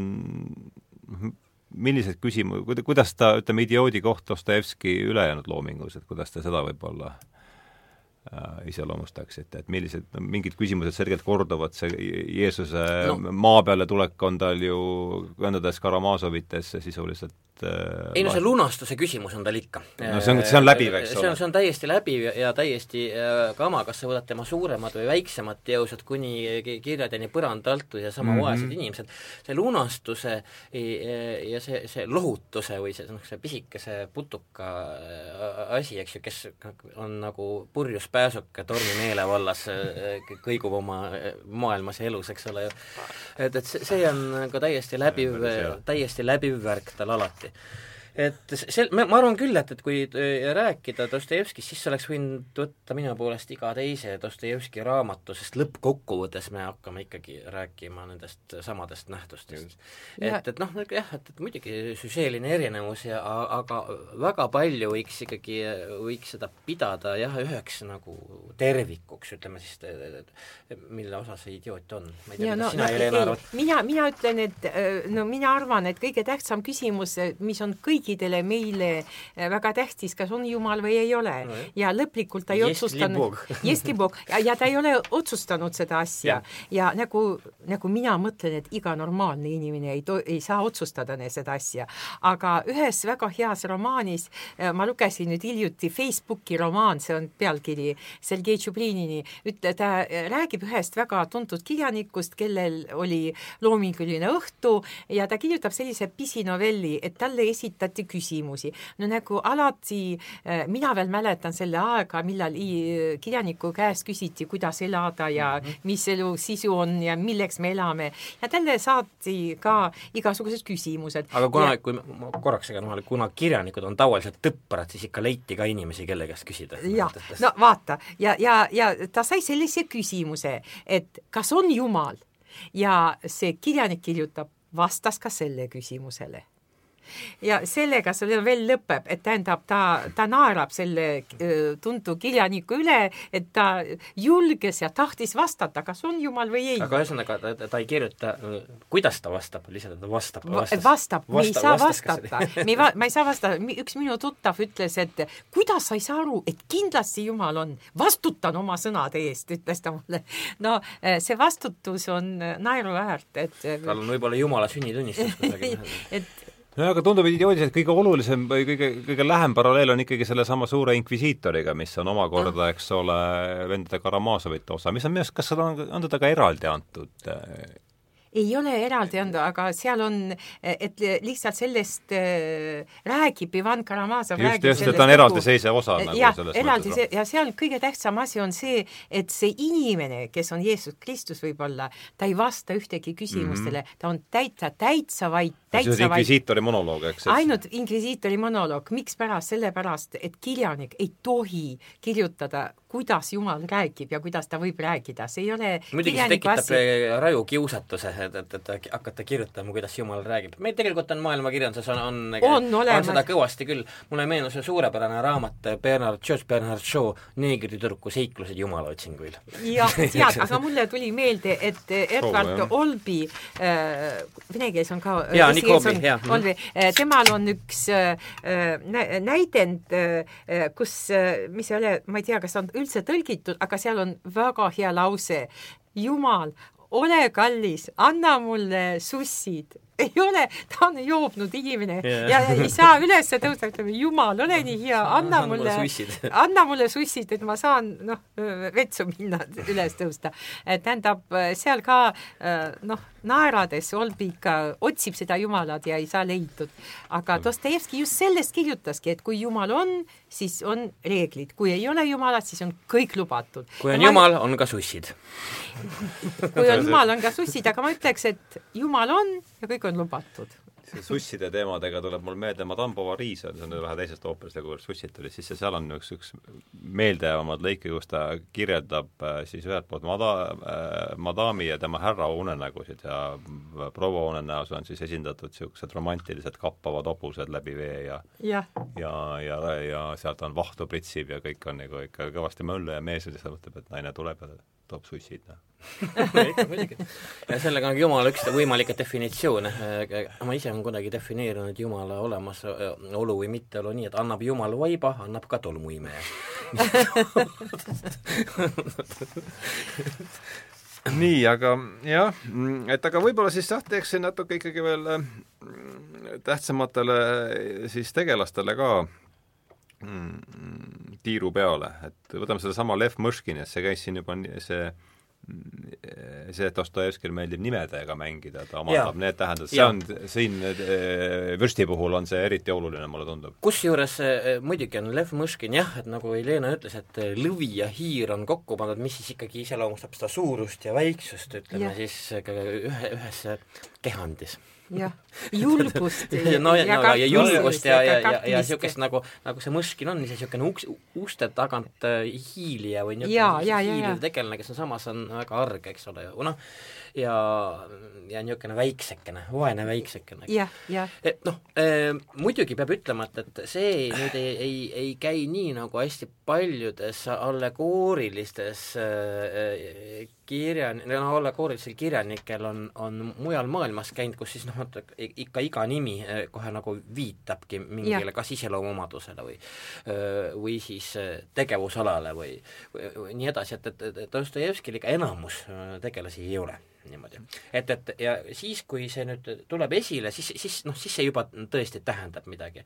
et ühesõnaga Dostojevski ei pinguta äh, selliste asjadega üle, eks ole. No, ja aga ma ütleks veel, et äh, tihti tema tegelased on nagu muinasjutus võetud mm, -hmm. et näiteks Mõškin, mis teeb ainult midagi head, Rogožin, kes teeb midagi ainult halba, äh, Aglaja on see ilus, korralik, armastav tüdruk, Nastassia Filipovna, Filipovna on selline õudne nõi ja ta võtab nagu muinasjutus ja nä-, aga minul alati tema... on meenunud, meenunud Lego, kui ma Dostojevskit vaatan, et no aga inimesed on ikkagi sellised kindlapiirilised ehitusklotsid. Lego klotsid, millest aga... siis ta ehitab oma maja, eks ole. aga tead aga üks on punane ja suurem, teine on valge klots. aga vaata, kui ta võtab neid nagu muinasjutus mm, -hmm. võtab nagu ajalehes näiteks midagi, aga tema geenius jällegi teeb nendest sellised tähtsad kujud mm, -hmm. et me võtame tõsiselt ja mul, meile tundub, et ta on, selline inimene oli või selline inimene on. kuigi ta no lihtsalt no see on utreering loomulikult. see on suur utreering ja, ja aga ikkagi meile tundub, et me tunneme, et milline oli Mõškin, kuidas ta käitus, kuidas ta kübarad hoidis ja kuidas ta kummardas ja ma tean, et need näitlejad, kes Mõškinit mängisid, nad kõik käisid hullumajades Äh, tihti vaatasid, kuidas seal käituvad inimesed ja lõppude lõpuks äh, oli oht, et nad jäävadki sinna. et nad, nad nii süvenesid, et oli oht, et võivad ka sinna jääda. ja, ja see oli nagu Teet Kallase see Kes tõttab öisele rongile, kus oli hullumehe sanitar Kusti. Kes sai aru, et, et, et, et, et hullud on hullumees enamuses, eks ole ju, see oli ka ilus parafraas ühiskonna kohta tegelikult ja tema kui sanitar on vähemuses. Ja see on ainult aja küsimus, mil vähemus ühineb enamusega. Seda saad rääkida niimoodi. ja teine, kellel on ilmselgelt, on siis ka pere, pere, perenimel on tähendus seesama Nastassia Filipovna, kelle perenimi on siis Baraškina, eks. jah, ja lamba, lamb, lambapea võiks ja. lambapea jah, jah, et ta, ta, ta kannatlik, kannatab äh, nagu lammas ja kõik midagi. ja ka ohverdatakse lõpuks nagu jah ja. ja, kes äh, sinna ohvri altarile ka ise nagu see oli huvitav, seda ma, see, kui me selleks saateks vestlesime siin, või tähendab, saateks ette valmistasime ja, ja kohtusime, et siis see oli väga, minu jaoks oli eriti huvitav, kui Leena ütles sedasama mõtte välja, mis ma kuulsin, mis on selle Põlkovi eesnimi, Dmitri? Dmitri, Dmitri Põlkov, jah.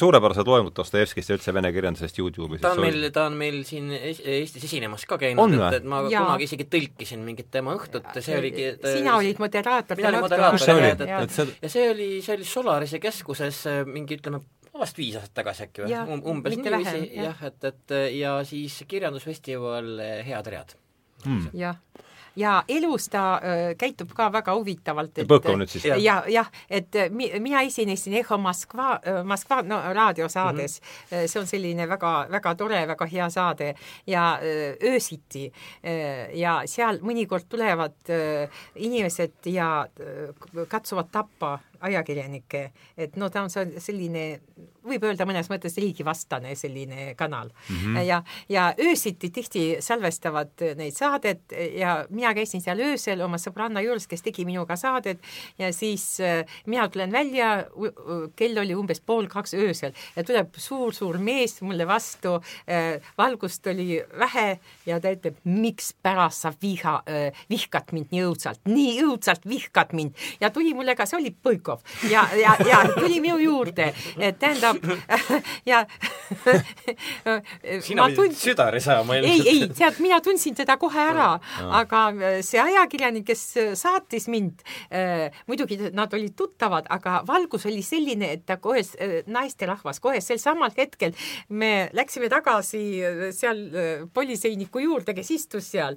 Ja Põlgov hakkas kalima, siis tema juures oli väike naine, võib-olla see oli tema abikaasa, ütles, et Dima, Liivatška lähme ära, Liivatška lähme ära, et äh, ta ütles, ei, ma tahan teada, mikspärast ta no nii õudselt vihkab mind. Äh, et äh, ma ütlesin talle, et teid armastavad miljonid, üks peab ju olema, kes vihkab, muidu te olete halb kirjanik. no tähendab, ma olen kirjunud, kirjutanud palju retsensiooni tema raamat-romaanide kohta, mis mulle eriti ei meeldi, no kirjutasin nii vabalt, nagu meil on võimalik kirjutada. aga tema nagu, jaoks nagu ütleme, nagu vene keeles on jah, aga tema sai neid kätte, vist tal on sekretär, ma ei tea, kes kogub neid. Ja, ja, interneti kaudu ja saab. Ja ta sai ah, sealt ma ei saanud üldse sellest küsimusest ka, nüüd ma saan alles küsima. ma mitu, mitu artikli olen kirjutanud, ma ei tea, viis või kuus. Ja lõppude lõpuks nad kõik satuvad sinna, kuhu nad suun-, kuhu, kuhu sa suunad neid. Ja mõnikord väga hi-, hea inimese kohta, keda sa armastad tegelikult, kirjutad, mida sa mõtled selle konkreetse raamatu kohta. Ja nagu meil äh, nagu võib kirjutada ja keegi ei solvu nii eriti, ma ei tea, aga, aga tema solvus õudselt ja vot hakkas minu peale karjuma, ma tahtsin talle öelda, et tema, tema loengud on geniaalsed mm, lihtsalt mm, mõnikord, väga meeldivad, aga aega ei olnud, naine tassis teda ära juba aga tema ütles jah, sedasama mõtte ühes loengus, et, et Nastassia Filipovna ei, ei lepi mitte millegi vähema kui see, et ta äh, ära tapetakse, et ja Helena ütles täpselt jah, ta oli nagu pain in the ass igal juhul, et, et äh, mitmeti ta ei tahtnud elada, ta, ta, ta ei tahtnud midagi, ta oli äh, katsunud elus kõik juba. viimane, viimane asi, mida tal ei olnud veel, see oli surm. kõik teised asjad tal elus oli juba. muidugi, mis, mis puudutab nüüd kriitikat, see Põõkovi lugu tuli mulle meelde ja see on nüüd konkreetselt idioodiga ka seoses, kui me seda asja ette valmistasime, siis ma tuletasin, ma ei tea, kas sa jõudsid vaadata sellist Dostojevski idioodi äh, ainel tehtud filmi üle, nagu on Downhouse ja mina julgen seda nüüd küll soovitada, see on nüüd see koht, kus Fjodor Dostojevski idioot on ikka hästi, hästi korralikult tegevusliini mõttes pea peale keeratud, kõik on pea peale keeratud. ehkki huvitaval kombel põhiline mõte jääb alles. et, et see on ja. nagu väga naljakas. et noh, see on toodud ebamäärasesse tulevikku, noh, oletame, et see on kahekümne esimene sajand, ehkki seal on mingi, seal küll Saddam Hussein kingib kellelegi mingi Hummeri ja nii edasi, eks ole, aga äh, kriitikast, äh, äh, see on nüüd vene kultuuri üks iseäralik, väga iseäralik omadus, ma nüüd ei, ei räägi, et, et, et ka ütleme Eestis või ükskõik kus ei oleks loovikud tihtipeale sellised hästi õrnanahaga, et noh, et, et midagi halba kirjutatakse, elavad kohutavalt loovikud, jah, elavad kohutavalt üle, aga, aga Venemaal, kui ütleme, kui sa nüüd ütleme, Dostojevskit sa hakkad kas näiteks kritiseerima või ümber tegema, no siis hakkab ka selle tüübi, kes piiritust juues kaks, kahte venda pussitas, tema süda hirmsasti valutama et ja nii oli ka selle filmi kriitikaga. see film, see Townhouse sai no ikka nagu laviinide kaupa sõimu, põhimõte on see, et, et kuidas nad julgesid ajada oma räpased käpad, eks ole, lugupeetud, lugupeetud püha klassiku külge. Mis näitas veel kord, et, et filmi tegelikult noh, seda peamist liini tõenäoliselt need tüübid lihtsalt mitte iialgi ei jälginud, sest nagu ma rõhutan, see põhiline asi oli seal alles, lihtsalt et tegevus oli hullult, hullult absurd, absurdi aetud, eks ole ja samamoodi groteski, nagu me just rääkisime, et, et Dostojevski tegelased tegelikult võimaldavad väga hästi utreeringuid esile tuua, kui mm. on juba raamatust väga ja, utreeri-, utreeritud, ja et, et selles mõttes nende, selle filmi Downhouse'i no, kontsentra-, kontsentraadid. jah, ja, ja, just nagu jah, et, et, et, et, jah, see oli jah, nagu see oli nagu mehukätti, et, et, et millest saab morsi või viinakokteili, et, et, et aga tead, vabandust, ma, ma lisaks, mulle väga meeldis see film, aga ma lisaks, et kui sa võtad juba näiteks Dostojevski või Tolstoi või Tammsalet või ma ei tea keda, et sa pead öö, olema mitte sama andekas, see on võimatu. no ikka väga andekas inimene, kui sa võtad, kui ta, kui sa võtad lihtsalt aga mis mõttes see tähendab, et see on võimatu, kust sa tead, kui andekas Dostojevski oli no me näeme, me teame juba, et tead, no kui terve ei no inimene tege..., ka inimene võib olla sama andekas, ta kasutab teisi vorme, ega noh, see, see, see, on, nagu, see on nagu umbes sama asi, et Jumal on olemas, eks ju, Dostojevski oligi ei, ei, ei, ma ütlen niiviisi, et siis, kui andetu inimene hakkab öö, ümber kirjutama Dostojevski, siis mul on õudselt kahju Dostojevskist ja siis mina, mina võin ka kirjutada niiviisi, et jätke rahule oma, ärge puudutage oma kätega ärge puudutage.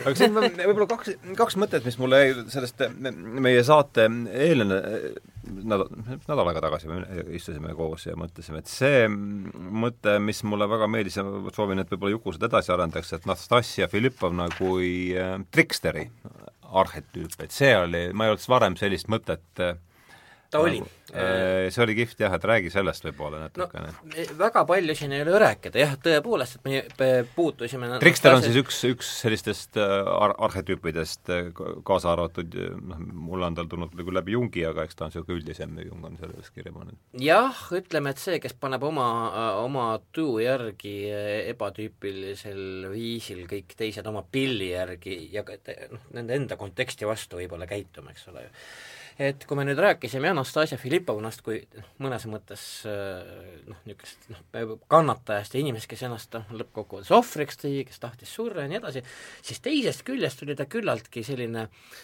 jah, just nimelt trikster, sest et, et, et see, mida tema ümber sõrme omal iseäralikul moel tahtis keerata, selle ta ka keeras.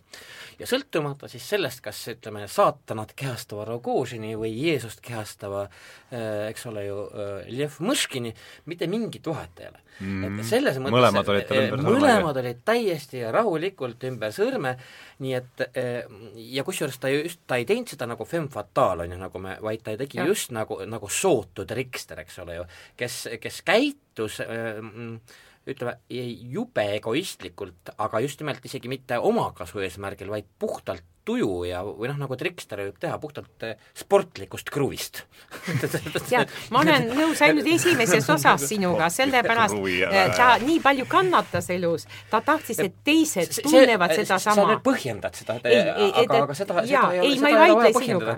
ei, on tarvis põhjendada, et okay. mitte egoistliku pärast ta tegi seda, aga ta tahtis, et teised inimesed saavad aru, mis tähendab kannatada mis see, see kuidagi kannatada? õilistab seda trik-, triksterlust, mida sina praegu räägid, sest minu jaoks äh, ütleme ikkagi nii, et, et inimese jaoks, kes, kes triksteri sõrme ümber on, ei ole seal ju mitte kuraditki vahet, mille pärast ta seal sõrme ümber on, et kas see no minu äh, jaoks on, on ei no aga kas see ka ise kannatas ja sellepärast sunnib ka sind kannatama või lihtsalt niisama heast peast, vahet pole.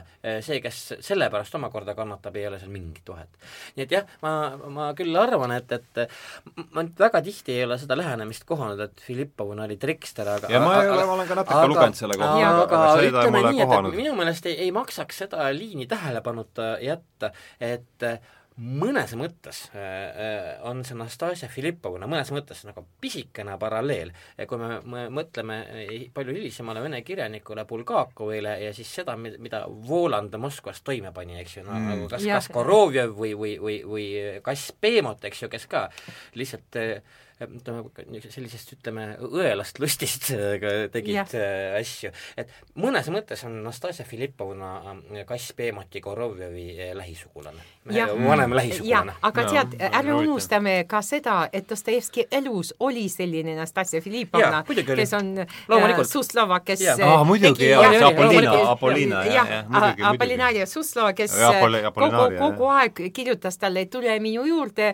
hakkame koos elama, kui ta tuli, ta Ja ütles, et mul oli hoopis teine. tõmba lesta, ja jah, ja, ja nii edasi. ja selles mõttes Nastasia Filipovna käitubki täpselt nagu tema Ja, ja, ja, ja, ja Aglaja või need head naised käituvad niiviisi nagu tema viimane naine Jah., kes eh, jumaldas teda ja kellega ta oli eh, nii-öelda, nii-öelda õnnelik, sellepärast et tema oli küll see, see naine küll, küll oli õnnetu. et eh, need, tal ei ole, tal ei olnud raha, ta ei saanud elada, tal oli väga rasked ajad, aga ta ikka teadis, et ta elab geeniusega ja ta oli nõus sellega. aga nüüd käiski see R-sõna käis siit läbi sellest äh, raha siis nimelt, et äh, R-sõna ja osa raisk võiks öelda. jaa, et sa, sinna ma panin ka märksõna sellest äh, meie eelmisest kohtumisest kirja, et Dostojevski oli esimene vene kapitalist, see oli ka jälle Juku, sina paku- viskasid Jah.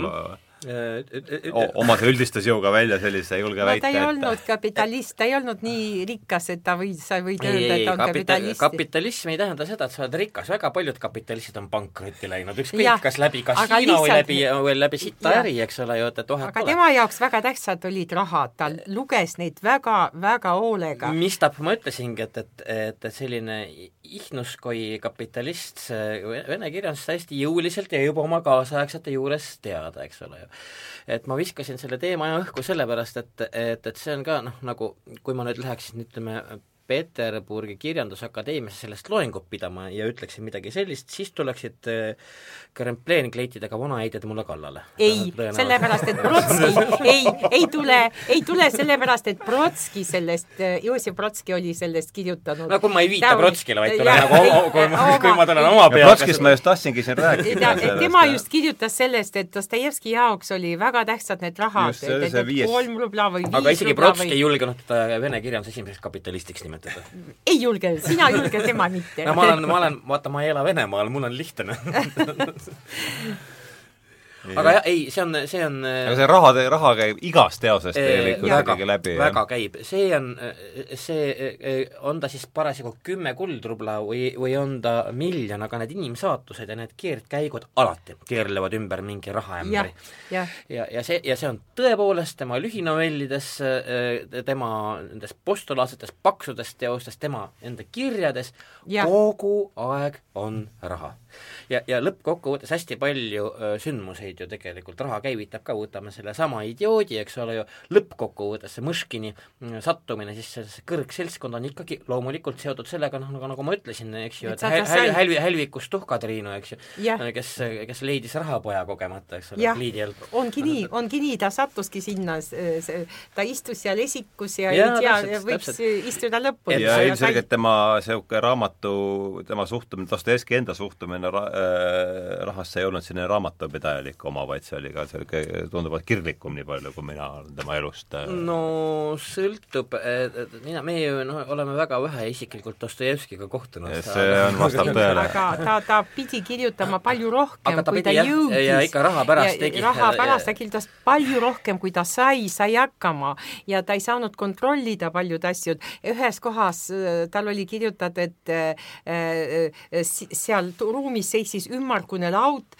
neljanurgaline ja äh, ümmargune Nel- nelinurkne ümmargune laud. jah, ja äh, tähendab, ta ei pannud tähele, tal ei olnud aega seda kontrollida, aga lihtsalt ta rääkis ja tema naine kirjutas tema järgi ja tal ei olnud aega seda äh, väga hästi kontrollida. ta tegi päris palju raha pärast, et, sest et ta, ta ju vilkalt ju mängis maha ja, ja, Jaa. ja, ja kõike muud, eks ole ju, ja siis tõepoolest ja ütleme, et, et ega need honorid, need reeglina ilmusid ju siis kuskil ajakirjades kõigepealt, eks ju, absoluutselt mitte, mitte eraldi raamatuna ja need nüüd ei olnud ju teab mis suured. et, et seda ikkagi pidi jah, no ta pidi ikka nagu ta ikka kauples ja võitles ta kauples ja muidugi, muidugi ja, ja see on nüüd ka erinevatest biograafiatest ja mälestustest ja toimetajate mälestustest teada, et ta et ta oli üks ilgelt tüütu kärbes toimetaja jaoks, sellepärast et, et ta käis jah, ta käis nuiamas ja, ja kaagutamas seal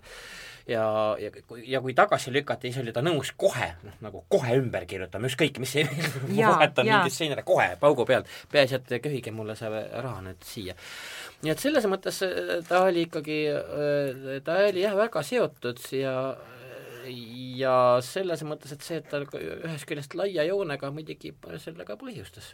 ja, ja kui, oi vabandust, tahtsin äh, rääkida, et siis, kui ta äh, selle Marmeladovit, kui ma võt-, me võtame, äh, siis jah, siis ta ka mõtles, et kuidas teha niiviisi, et tema vaesed lapsed saavad ikka elada, kui Sonja Marmeladov koos Raskolnikovi sõidab Siberisse ja, ja siis mõtles, et tema äh, Svidrigailov jätab jätab, kes enesetapmisega lõpetab, jätab neile kolm tuhat igaühele, et nemad saavad koolituse ja nemad saavad kuidagi elada ja mõtles nende peale ka, nad ei olnud nii tähtsad tegelased, et mis nendega juhtus.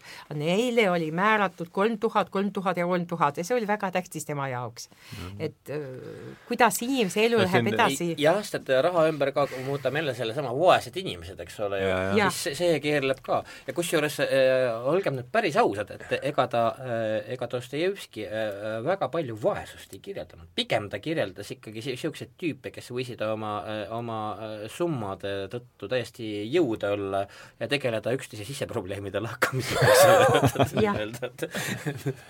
no tuleb siin suhtumises rahasse, see on nüüd küll Dmitri niisugune pihtimus, aga ma arvan, et see võtab mingi sellist hoo- ja eks Dmitri on selgelt üks tema alter egodest, ma kujutan ette, et, et ta räägib siis, pihib siin, et põrutasime siit kahekesi Mokrojasse sinna on ligemale kakskümmend viis versta. ma tellisin sinna mustlasi, mustlannasid, šampanjat, jootsin seal kõik maamehed šampanjaga täis, kõik heided ja tüdrukud.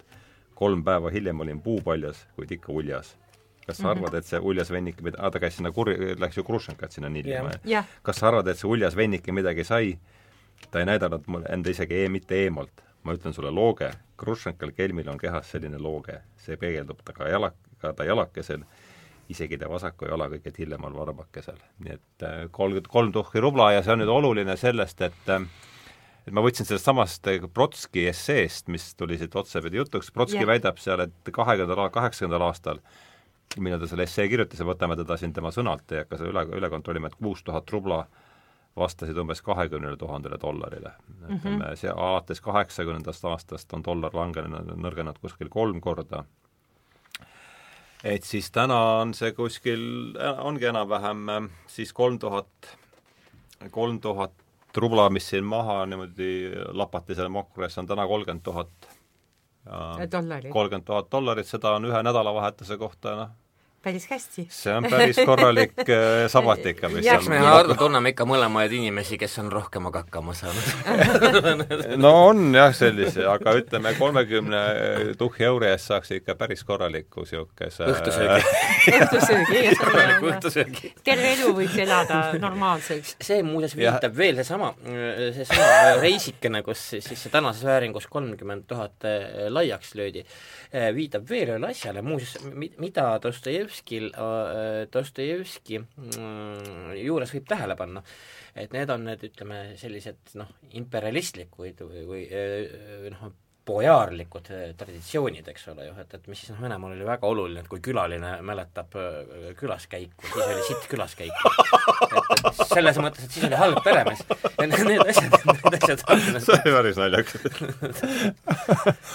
jah, et, et e, nii on kirjeldanud muuseas noh, ütleme sajand varasemat Moskvat hästi, hästi mitmed väliskülalised keda bojaarid enda juurde meelitasid no mi-, kaks sajandit ikka tagasi võtta mm.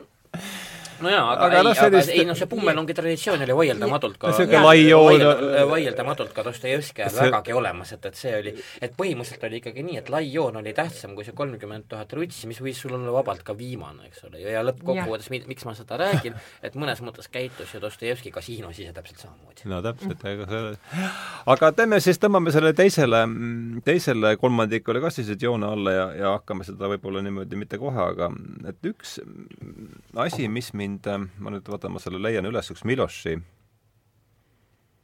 Miloši tsitaat, mis mulle selle eriti kuidagi pak-, ma nüüd katsun selle üles. kas ma vahepeal suitsu tohin teha või äh,? aga noh, kui sa tahad, äh, te, te, kas teeme vabalt teeme pausi ja siis teeme viimase pool tundi või? jah yeah davai, aga teeme siis. Siis ma otsin üles selle. ma pean selle, sellele rullile ka helistama, ta tuleb mulle siis teeme mingi, mingi kakskümmend mintsi veel ja ja, ja, ja, siis on okei, ma teen suitsu ja siis ma pidin, tegelikult ma pidin helistama anyway. jah, väga hea. jaa, just, siis saame. me hakkame, meil hakkab palav juba. jaa, jaa, ei väga õige mõte. kirjandus kütab õhu kuumaks. niiviisi.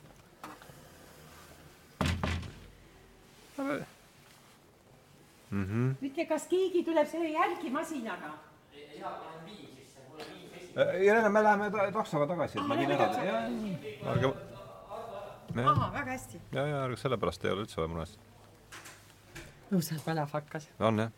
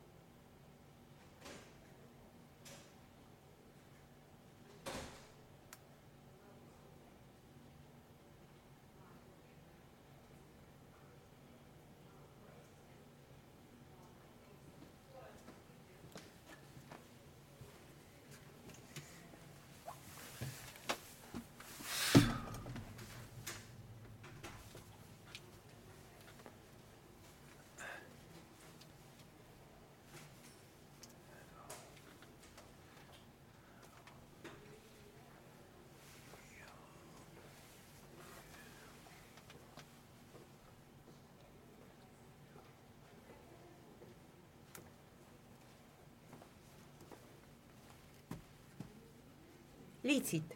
jaa, jaa, see on seesama, vot mis ma meilis ka ütlesin, et see eh, mis seal oli, et vot see on see, et äh,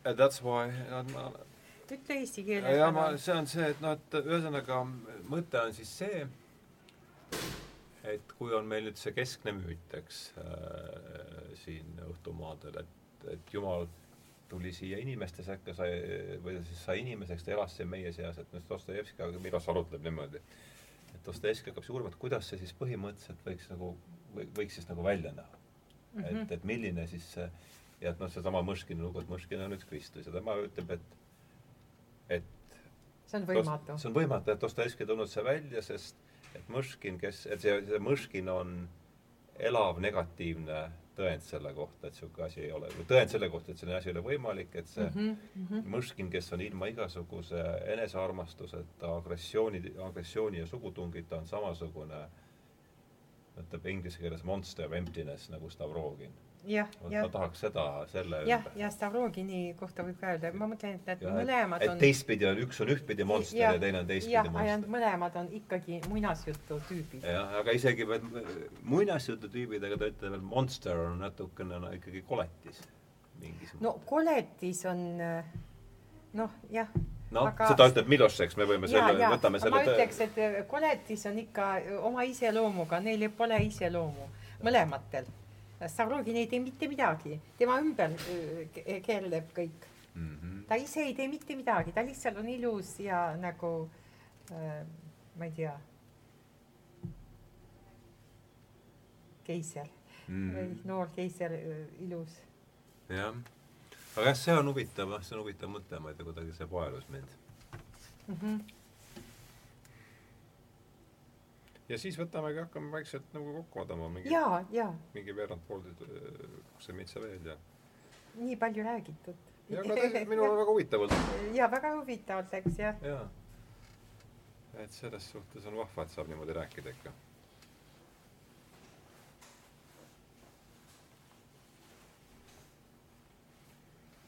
aga millal see tuleb, see saade? Oi, see tuleb kusagil oktoobri lõpus vist. aa, saab internetis vaadata ja, ka? niipea, kui ta on Kukust läbi käinud, läheb kohe Youtube'i üles mm. -hmm. ma saatsin vot selle ka. siin on olemas kõik need saated, näe mm. -hmm. ütleme, siin on nad kõik siis nüüd koos, meedia mm. -hmm. ja siin on nüüd kõik kevadised saated üleval. aa, väga hästi. jah, jah, siis tuleb see. ja mul on äh, äh, Russ IRL raadio seal saab minu saadet vaadata vene kirjandusest. aa, see on väga huvitav. kuldse, kuldse sajandi. mis, mis see on? Russ Jerer. Russ? Russ Jerer. ai, russ punkt ERR või, nii või? jah, ja siis teeme lahti. ja siin on. ahah. raadio. ja raadio siis Raadio neli jah, Raadio neli. mina sain oma kõne ära tehtud okay.. kõik on okei okay.. ma olen ilma prilliteta mm. -hmm. on siin kuskil Raadio neli? ta praegu miskipärast otsib seda veel. siin on, siin on selles Raadio, ruumis on sittnet üldiselt. mida? siin on sittnet. on, on jah. selles, seal e-, ees on parem, aga, aga ja, ja äh, literatuurne äh, laupäeviti ja pühapäeviti. vaata, meie saate eripealkiri võiks olla Kaks tundi ridade vahelt aga vaatame pärast, teeme selle ära siis. ma ei leia praegu, läks üles, nii. aga teeme siis äh, võtame siis selle viimase kolmandiku ette ja ja ma, et ähm, tuleme siis selle viimase kolmandiku juurde, ma tahaks seda alustada niisugune mõttega, selle mõttega, mis mind võib-olla üldse motiveeris seda, seda saadet, seda saadet konkreetselt tegema, see pärineb Miloši esseest eh, Dostojevskist ja, ja, ja Swedenborgist, kes oli siis üks omaette tegelane veel. no hästi, jätame selle Swedenborgi praegu kõrvale, et eh, igatahes see mõte pärineb siis Miloši esseest Dostojevskist ja Swedenborgist ja siis arutleb, see arutluskäik on umbes selline, mul on see ingliskeelne tekst siin ees praegu, ma et põhimõtteliselt arutleb niimoodi, et kui meie see õhtumaine müüt on siis olnud selline, et, et Jumal sai inimeseks ja tuli siia meie sekka elama, et siis Dostojevski idioodis uurib, no sellest me oleme siin ju mitu korda see teema juba läbi käinud, et Mõškin on sisuliselt, kujutab endast siis Jeesus Kristus, kes tuleb äh, üheksateistkümnenda sajandi lõpu Piiterisse elama ja ja et, et ta uurib küsimust, et et kas niisugune asi on üldse, kuidas niisugune asi võiks välja, kuidas võiks näha välja üldse üdini positiivne inimene, see on tema niisugune siis, eks ole, esmane eesmärk, mille ta endale püstitanud idioodis, et kujutada läbinisti positiivset inimest, kas niisugune asi on üldse võimalik ja Miloš ütleb siin, et, et, et Mõškini karakter näitab seda, et see asi on põhimõtteliselt võimatu. et Mõškin, kellel puudub igasugune enesearmastus, äh, mis siis agressioonitung ja sugutung, ja, ja, ja see on samasugune Monster. Monster of emptiness, ütleb siis Miloš, mis on siis tühjuse, ma ei tea, isegi ei oska seda põlve otsa sõna, tuleb võib-olla mingi hea hea sama vaste. nagu Stav-, Mo, nagu samasugune Monster of Emptiness nagu Stavrogin jah, kes on üks tema siis äh, kurjadest vaimudest, üks Dostojevski niisuguseid saatanlikumaid äh, tegelasi, et ma ei tea, ütleme, see mõte kuidagi mind äh, on paelunud ja ma olen selle üle äh, palju palju mõelnud, et mis sa, Juku, kas see käivitas, kõlas sinuga kaasa natukene? no ma ei tea, ma ise küllaltki äh, keeldun mõtlemast, et et Mõškin oli siis üdini positiivne. ta üritas seda vähemalt? Jah, et äh, see on muidugi niisugune psühholoogia, mitte enam kirjanduspsühholoogia, vaid tavaline psühholoogia, ma arvan, et lõppkokkuvõttes ütleme, Dostojevski üritas seda ikkagi teha et, temast läbinisti me võime alatigi seda tõlgendada teistmoodi, et, et, et Mõškin oli, oli siis see tegelane, muuseas, mis on noh, psühholoogias küllaltki äh, levinud üks enesearmastuse vorm, et enesetõestamine läbi teistele noh, ütleme, hea tegemise või, või noh, läbi teisi armastades tegelikult armastad sa iseennast, et et selles mõttes me võime ka täiesti vabalt öelda, et, et selle raamatu kõige hullem egotrippar oli Mõškin mm.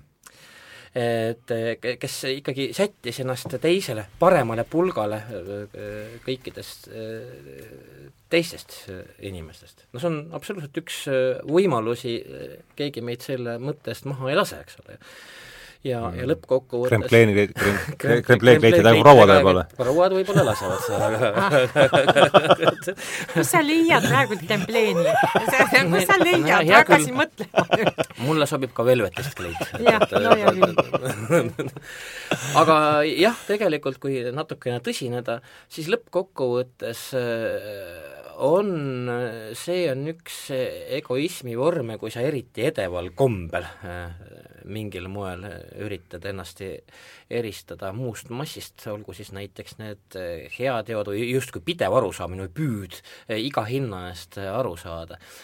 See on kindlasti keeruline küsimus ma arvan, et, et sa võiksid mingit hullutohtrit teinekord mm. seda teemat lahkama kutsuda, kellel oleks kindlasti hästi palju öelda, ma usun, et, et et ütleme, andekamatel ja staažikamatel neist on kindlasti olnud selliseid patsiente ütleme, mina lisaks äh, seda, et Bulgakovil, Meister ja Margarital on ka Jeesus Kristus, eks ju, Ješua ja, ja äh, esimene küsimus, mis Ponti Pilatus äh, esitab talle, ütleb, et mis su nimi on? ta ütleb, kelle minu nimi? ja minu nimi ma tean väga hästi, ütleb Pilatus, et ütle oma nimi. ja selle lausega ta näitab, et meie ees on väga nõrk Äh, ja mitte väga tark inimene.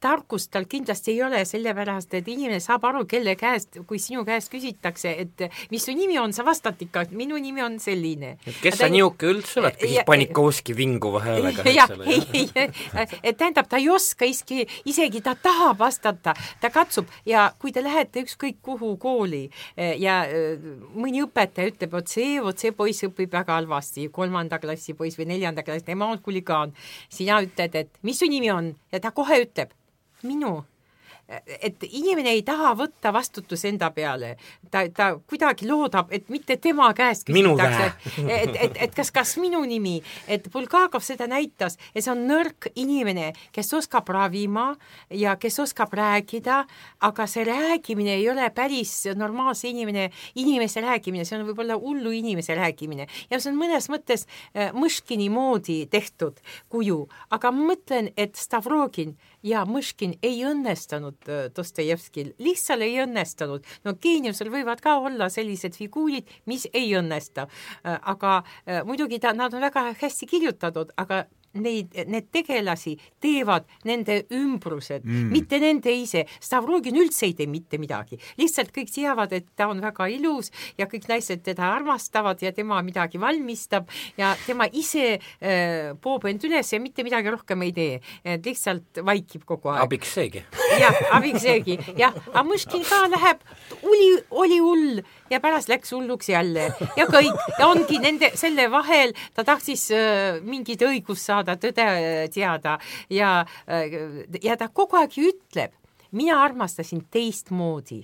Äh, see on väga tähtis asi, millest me ei ole rääkinud mm., et ta Räägime kogu aeg sellest. ütleb, jah, et ma rää-, kas te ole, et ma rää-, ma armastasin, äh, ma armusin, aga ma armastasin teistmoodi. see tähendab, et ta leidis seal, kus ta ravis, oli üks no, äh, neiu, see Marii ja keda äh, muidugi vägistas prantslane sõites mööda ja, ja tema ise ema, selle Marii ema lõi teda teda kividega ja no lassis lastele äh, lööda teda kividega ja siis äh, Mõškin seletas, et ta on vaene tütarlaps ja lapsed said temast aru. ta kogu aeg räägib lapsest mm. -hmm. tähendab, Dostojevski kõige rohkem räägib äh, koeratest, hobustest ja lastest, keda peab armastama. kassidest ka äh,?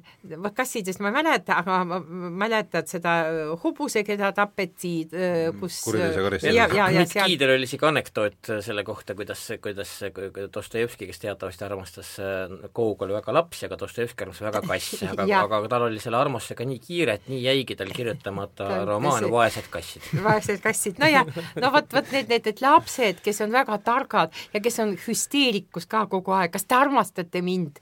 Äh,, küsivad, kas sina armastad mind, kas sina armastad, no kogu aeg need jutud, et armastusest, armastusest, armastusest, sellepärast et lapsed seda armastust ei saa. Äh,. ja, ja seal vennad Karamaasovid, seal on ka kogu aeg nii palju lapsi. Ja igas romaanis on väga palju lapsi, kes surevad, kes jäävad haigeks ja ja see Marii, kes lõppude lõpuks sureb. Ja kõige tähtsam ehk on siis, kui kõik lapsed nutsid ja siit äh, kirst viidi äh, no sinna, kuhu peab viima ja, ja pane, panid lilled ja iga päev käisid ja nutsid seal äh, selle au juures, vot see on väga-väga tähtis osa tema armastusest. see ei ole päris inimlik armastus mhm. see on mingi muu armastus. seal see Djevotška Maria, eks ju, mis, ma tulen korraks äh, lihtsalt äh, kuulajale näiteks, tuletan jälle meelde, me veidike ennem põgusalt puutusime seda filmi Downhouse, mis Youtube'is olemas täiesti yeah. terviklikult, et, et täitsa Downhouse'i soovitan vaadata, seal see Djevotška Maria armastas lapsi äh, sedamoodi, et, et, et töötas ju Šveitsis mäletatavasti köögis, kuhu ta pandi karistuseks karistuseks pandi ta tööle ja kes siis kompvekit ümber keer-, keeras dollarilisi ja siis ja. loop-, loopis neid rõdult lastele, et see oli ja. siis niimoodi tema arvamuse väljendus.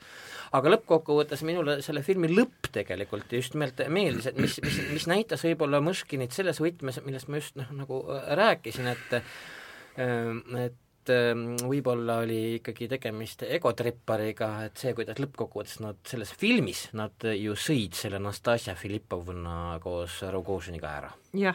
jah, jah.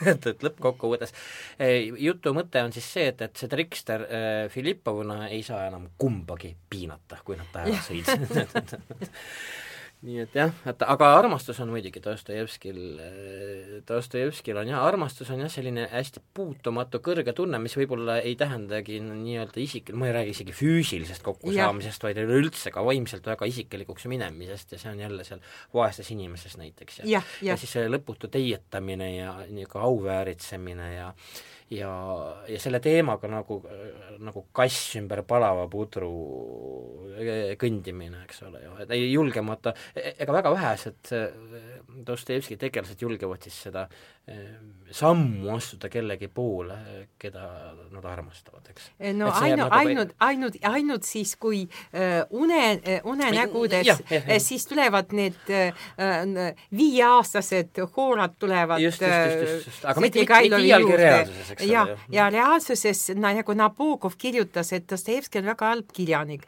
sellepärast kuidas äh, äh, Raskolnikov tapab ta näitab väga hästi ja pikalt nagu detektiivi aga mitte iialgi me ei saa tegelikult teada armastusest. aga me ei saa teada, kuidas see Sonitška Marmeladova läks.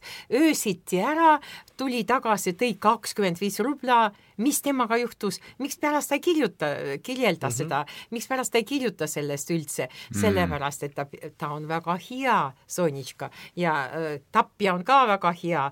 Ja äh, sellest ajast äh, ongi niiviisi, igasugused laulud on sellised et vanglas laulavad, no lauldakse selliseid laulud, et tema on vark ja tapja ja tema on koor ja nemad ja, saavad Sonja Kuldkäekin Odessast, eks ole. ja, ja nemad saavad palun, kokku aga... ja neil tuleb õnnelik elu, aga see on mm -hmm. juba Kubriini asi, mitte Dostojevski. okei okay. aga oletame ole, võtame nüüd selle, hakkame seda asja nüüd kokku võtma. ja oletame, et meil on nüüd niisugune nooruk ärme sugu hakka määratlema, ta on kaheksateist aastat vana. soo määratlemine ongi tänapäeval väga ohtlik. jah, see on ka ohtlik niikuinii. ja on just pääsenud oma keskkooli äh, kirjandusõpetaja käest ja äh, tõotanud pühalikult, et ta pärast seda enam ühtegi raamatut äh, läbi ei loe mm. -hmm. et kuidas nüüd sellele inimesele siin kogu selle jutu taustal, sel üli ebatõenäolisel juhul, kui ta meid peaks kuulama, kuidas temale selgitada, et võib-olla ikkagi tasuks äh, punkt üks, tegeleda, lugeda kirjandusklassikat üldisemalt, punkt kaks, Dostojevskit kitsamalt ja võib-olla siis Dost-, idiooti ise veel kitsamalt. veel kitsamalt, jah, et äh, teeme sellega võib-olla, vaatame, kuhu see ring, ring meid viib. no mina arvan, et, et sa ütleme, põrutad veidikene mööda, et, et ma kardan no,, et see on, tä-, see on täiesti vale saade, kus sa seda selgitad, ei, seda muidugi, ma, ma olen küllaltki veendunud, et, et, et et äh, selle saate kuulajate hulgas tõenäoliselt neid noorukeid ei, seda, aga no, saate palju loota, palju loota. jaa, ei saated levivad, teades meil jällegi, jällegi praegu aga mina oskan vastata, et, et mul on oma stuudio, mul on oma tudengid, kes usaldavad mind ja need, kes käivad minu juurde Eesti see on teatristuudio siis mm -hmm.? teatristuudio, see on koolilapsed ja tudengid ka, nad on Eesti koolilapsed ja vene koolilapsed ja nad jäävad minuga näiteks kahe kaheks-kolmeks aastat ja hakkavad mind usaldama lihtsalt. ja ma ei hakka mitte midagi soovitama, ma lihtsalt ütlen, et sina lähed ja loed seda raamatut ja nemad lähevad ja loevad seda raamatu ainult sellepärast, et ma tõi-. nii et ühe kirjandusõpetaja käest teise kätte ei, lihtsalt, lihtsalt ma ei nõua, ma lihtsalt ütlen, et sa pead seda lugema, muidu, muidu mul hakkab igav sinuga kui sa ei ole seda lugenud, mul hakkab sinuga igav. ja kui äh, inimene usaldab oma õpetajat, ta läheb ja loeb. Ja mitte midagi rohkem ei ole tarvis. aga sa pead teenima seda usaldust, vot see on õpetaja ülesanne. kui rohkem ei olegi midagi tarvis, lähed ja loed. Jah, ma, ma kõige noorukite pärast eh, ka nii väga ei muretseks, sest et, et tegelikult eh, mingi, mingi mingi kõhutunne ütleb mulle, et ei loeta nende salapäraste noorukite hulgas sugugi. äh, Eh, mitte vähem kui kunagi loeti. Need asjad on kindlasti loomulikult teised, mis on ka hästi normaalne, sellepärast igasuguseid uusi kihistusi tule, tuleb peale ja, ja, ja tingimata ega siis, ega siis ütleme, kultuuritaju ei, ei, ei pruugigi ainult tähendada seda, et sa oled noh, oled kursis ütleme klassikaga ja, ja, ja noh, ja, ja ülejäänud on ükskõik, ei need asjad võib-olla on muutunud järjekorda, et, et kuna keegi mingi asjani jõuab, eks ole ju. tead, ma, ma, ma toon ühe väike esimest korda räägiks ka siis nüüd erinevalt Dostojevski numbritest, räägiks ka tänapäeva numbritest korraks, lihtsalt yeah. me tegime Krista Kaeraga siinsamas Kuku raadios eelmine aasta, nagu me iga äh, aasta lõpul teeme Juku raadiosaates, teeme sellist raamatumüügi kokkuvõtet mm -hmm., kusjuures see on Rahva Raamatu äh, ja Apollo statistika põhjal, äh, kus on nagu läbi kliendikaardi on jube hästi näha, mis vanusegrupis on inimene mm, -hmm. eks ole, just see on ID-kaardi põhine värk, eks ole ju, ja, ja kuidas siis see on ja ma võin teile öelda, et, et vanusegrupis, see on nüüd eelmise aasta info, eks ole, et selle, see aasta ei ole, lõpp ei ole veel käes, me pole selle aasta, sellel aastal otsa vaadanud, aga eelmisel aastal otsa vaadates võin öelda, et, et ligi veerandi tõusis siis äh, raamatute müük inim-, e, nendele tüüpidele, raamatute, mitte mängude ega mingite asjade, vaid ja. raamatute müük inimestele, kes on siis vahemikus neliteist kuni kakskümmend üks, mm. veerandi võrra ja isegi siis, kui ütleme, ma ei tea, võib-olla pool neist olid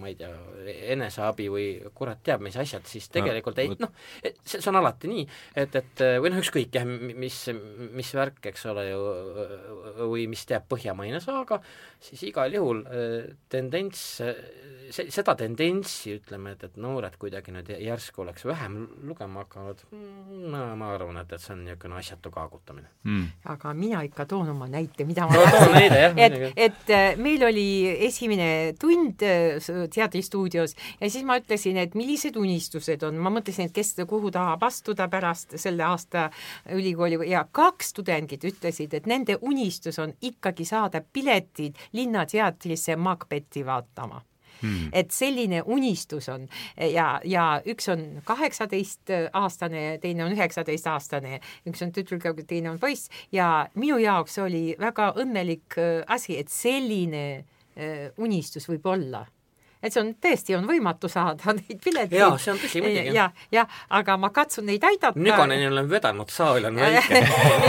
jah, aga, aga tõesti, kui see on unistus, see on väga tähtis asi, et see on unistus. see ei ole selline, et ma nüüd lähen ja vaatan et ma mõtlen, et noored väga palju ikka äh, teavad ja loevad, kui, kui ne-, aga neid peab aitama lihtsalt mis on nagu täiesti elementaarne, sest et see ei ole mitte kunagi teistmoodi toimunud. see ei ole kunagi teistmoodi ja, toimunud. teistmoodi ei olnud, jah ja,. absoluutselt.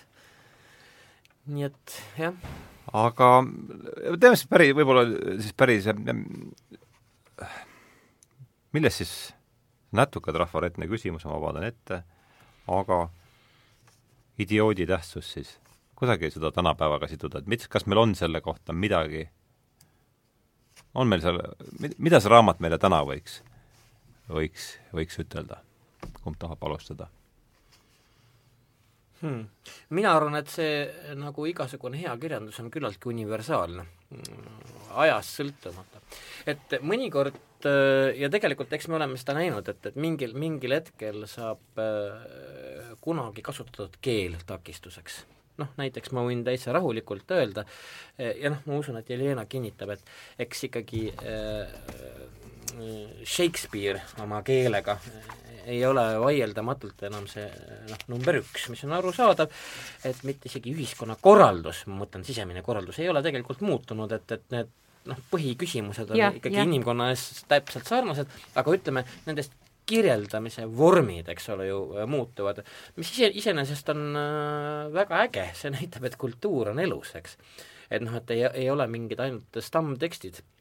nüüd äh, minule isiklikult tundub, et, et see keel, mis võib mõnikord jääda võõraks ja siis noh, võib-olla takistab mingit järgnevat põlvkonda noh, autori maailmaga tutvumast, eks ole, mis on lihtsalt mm -hmm. nii mhm. võõras, et see ei ole veel Dostojevskit tabanud.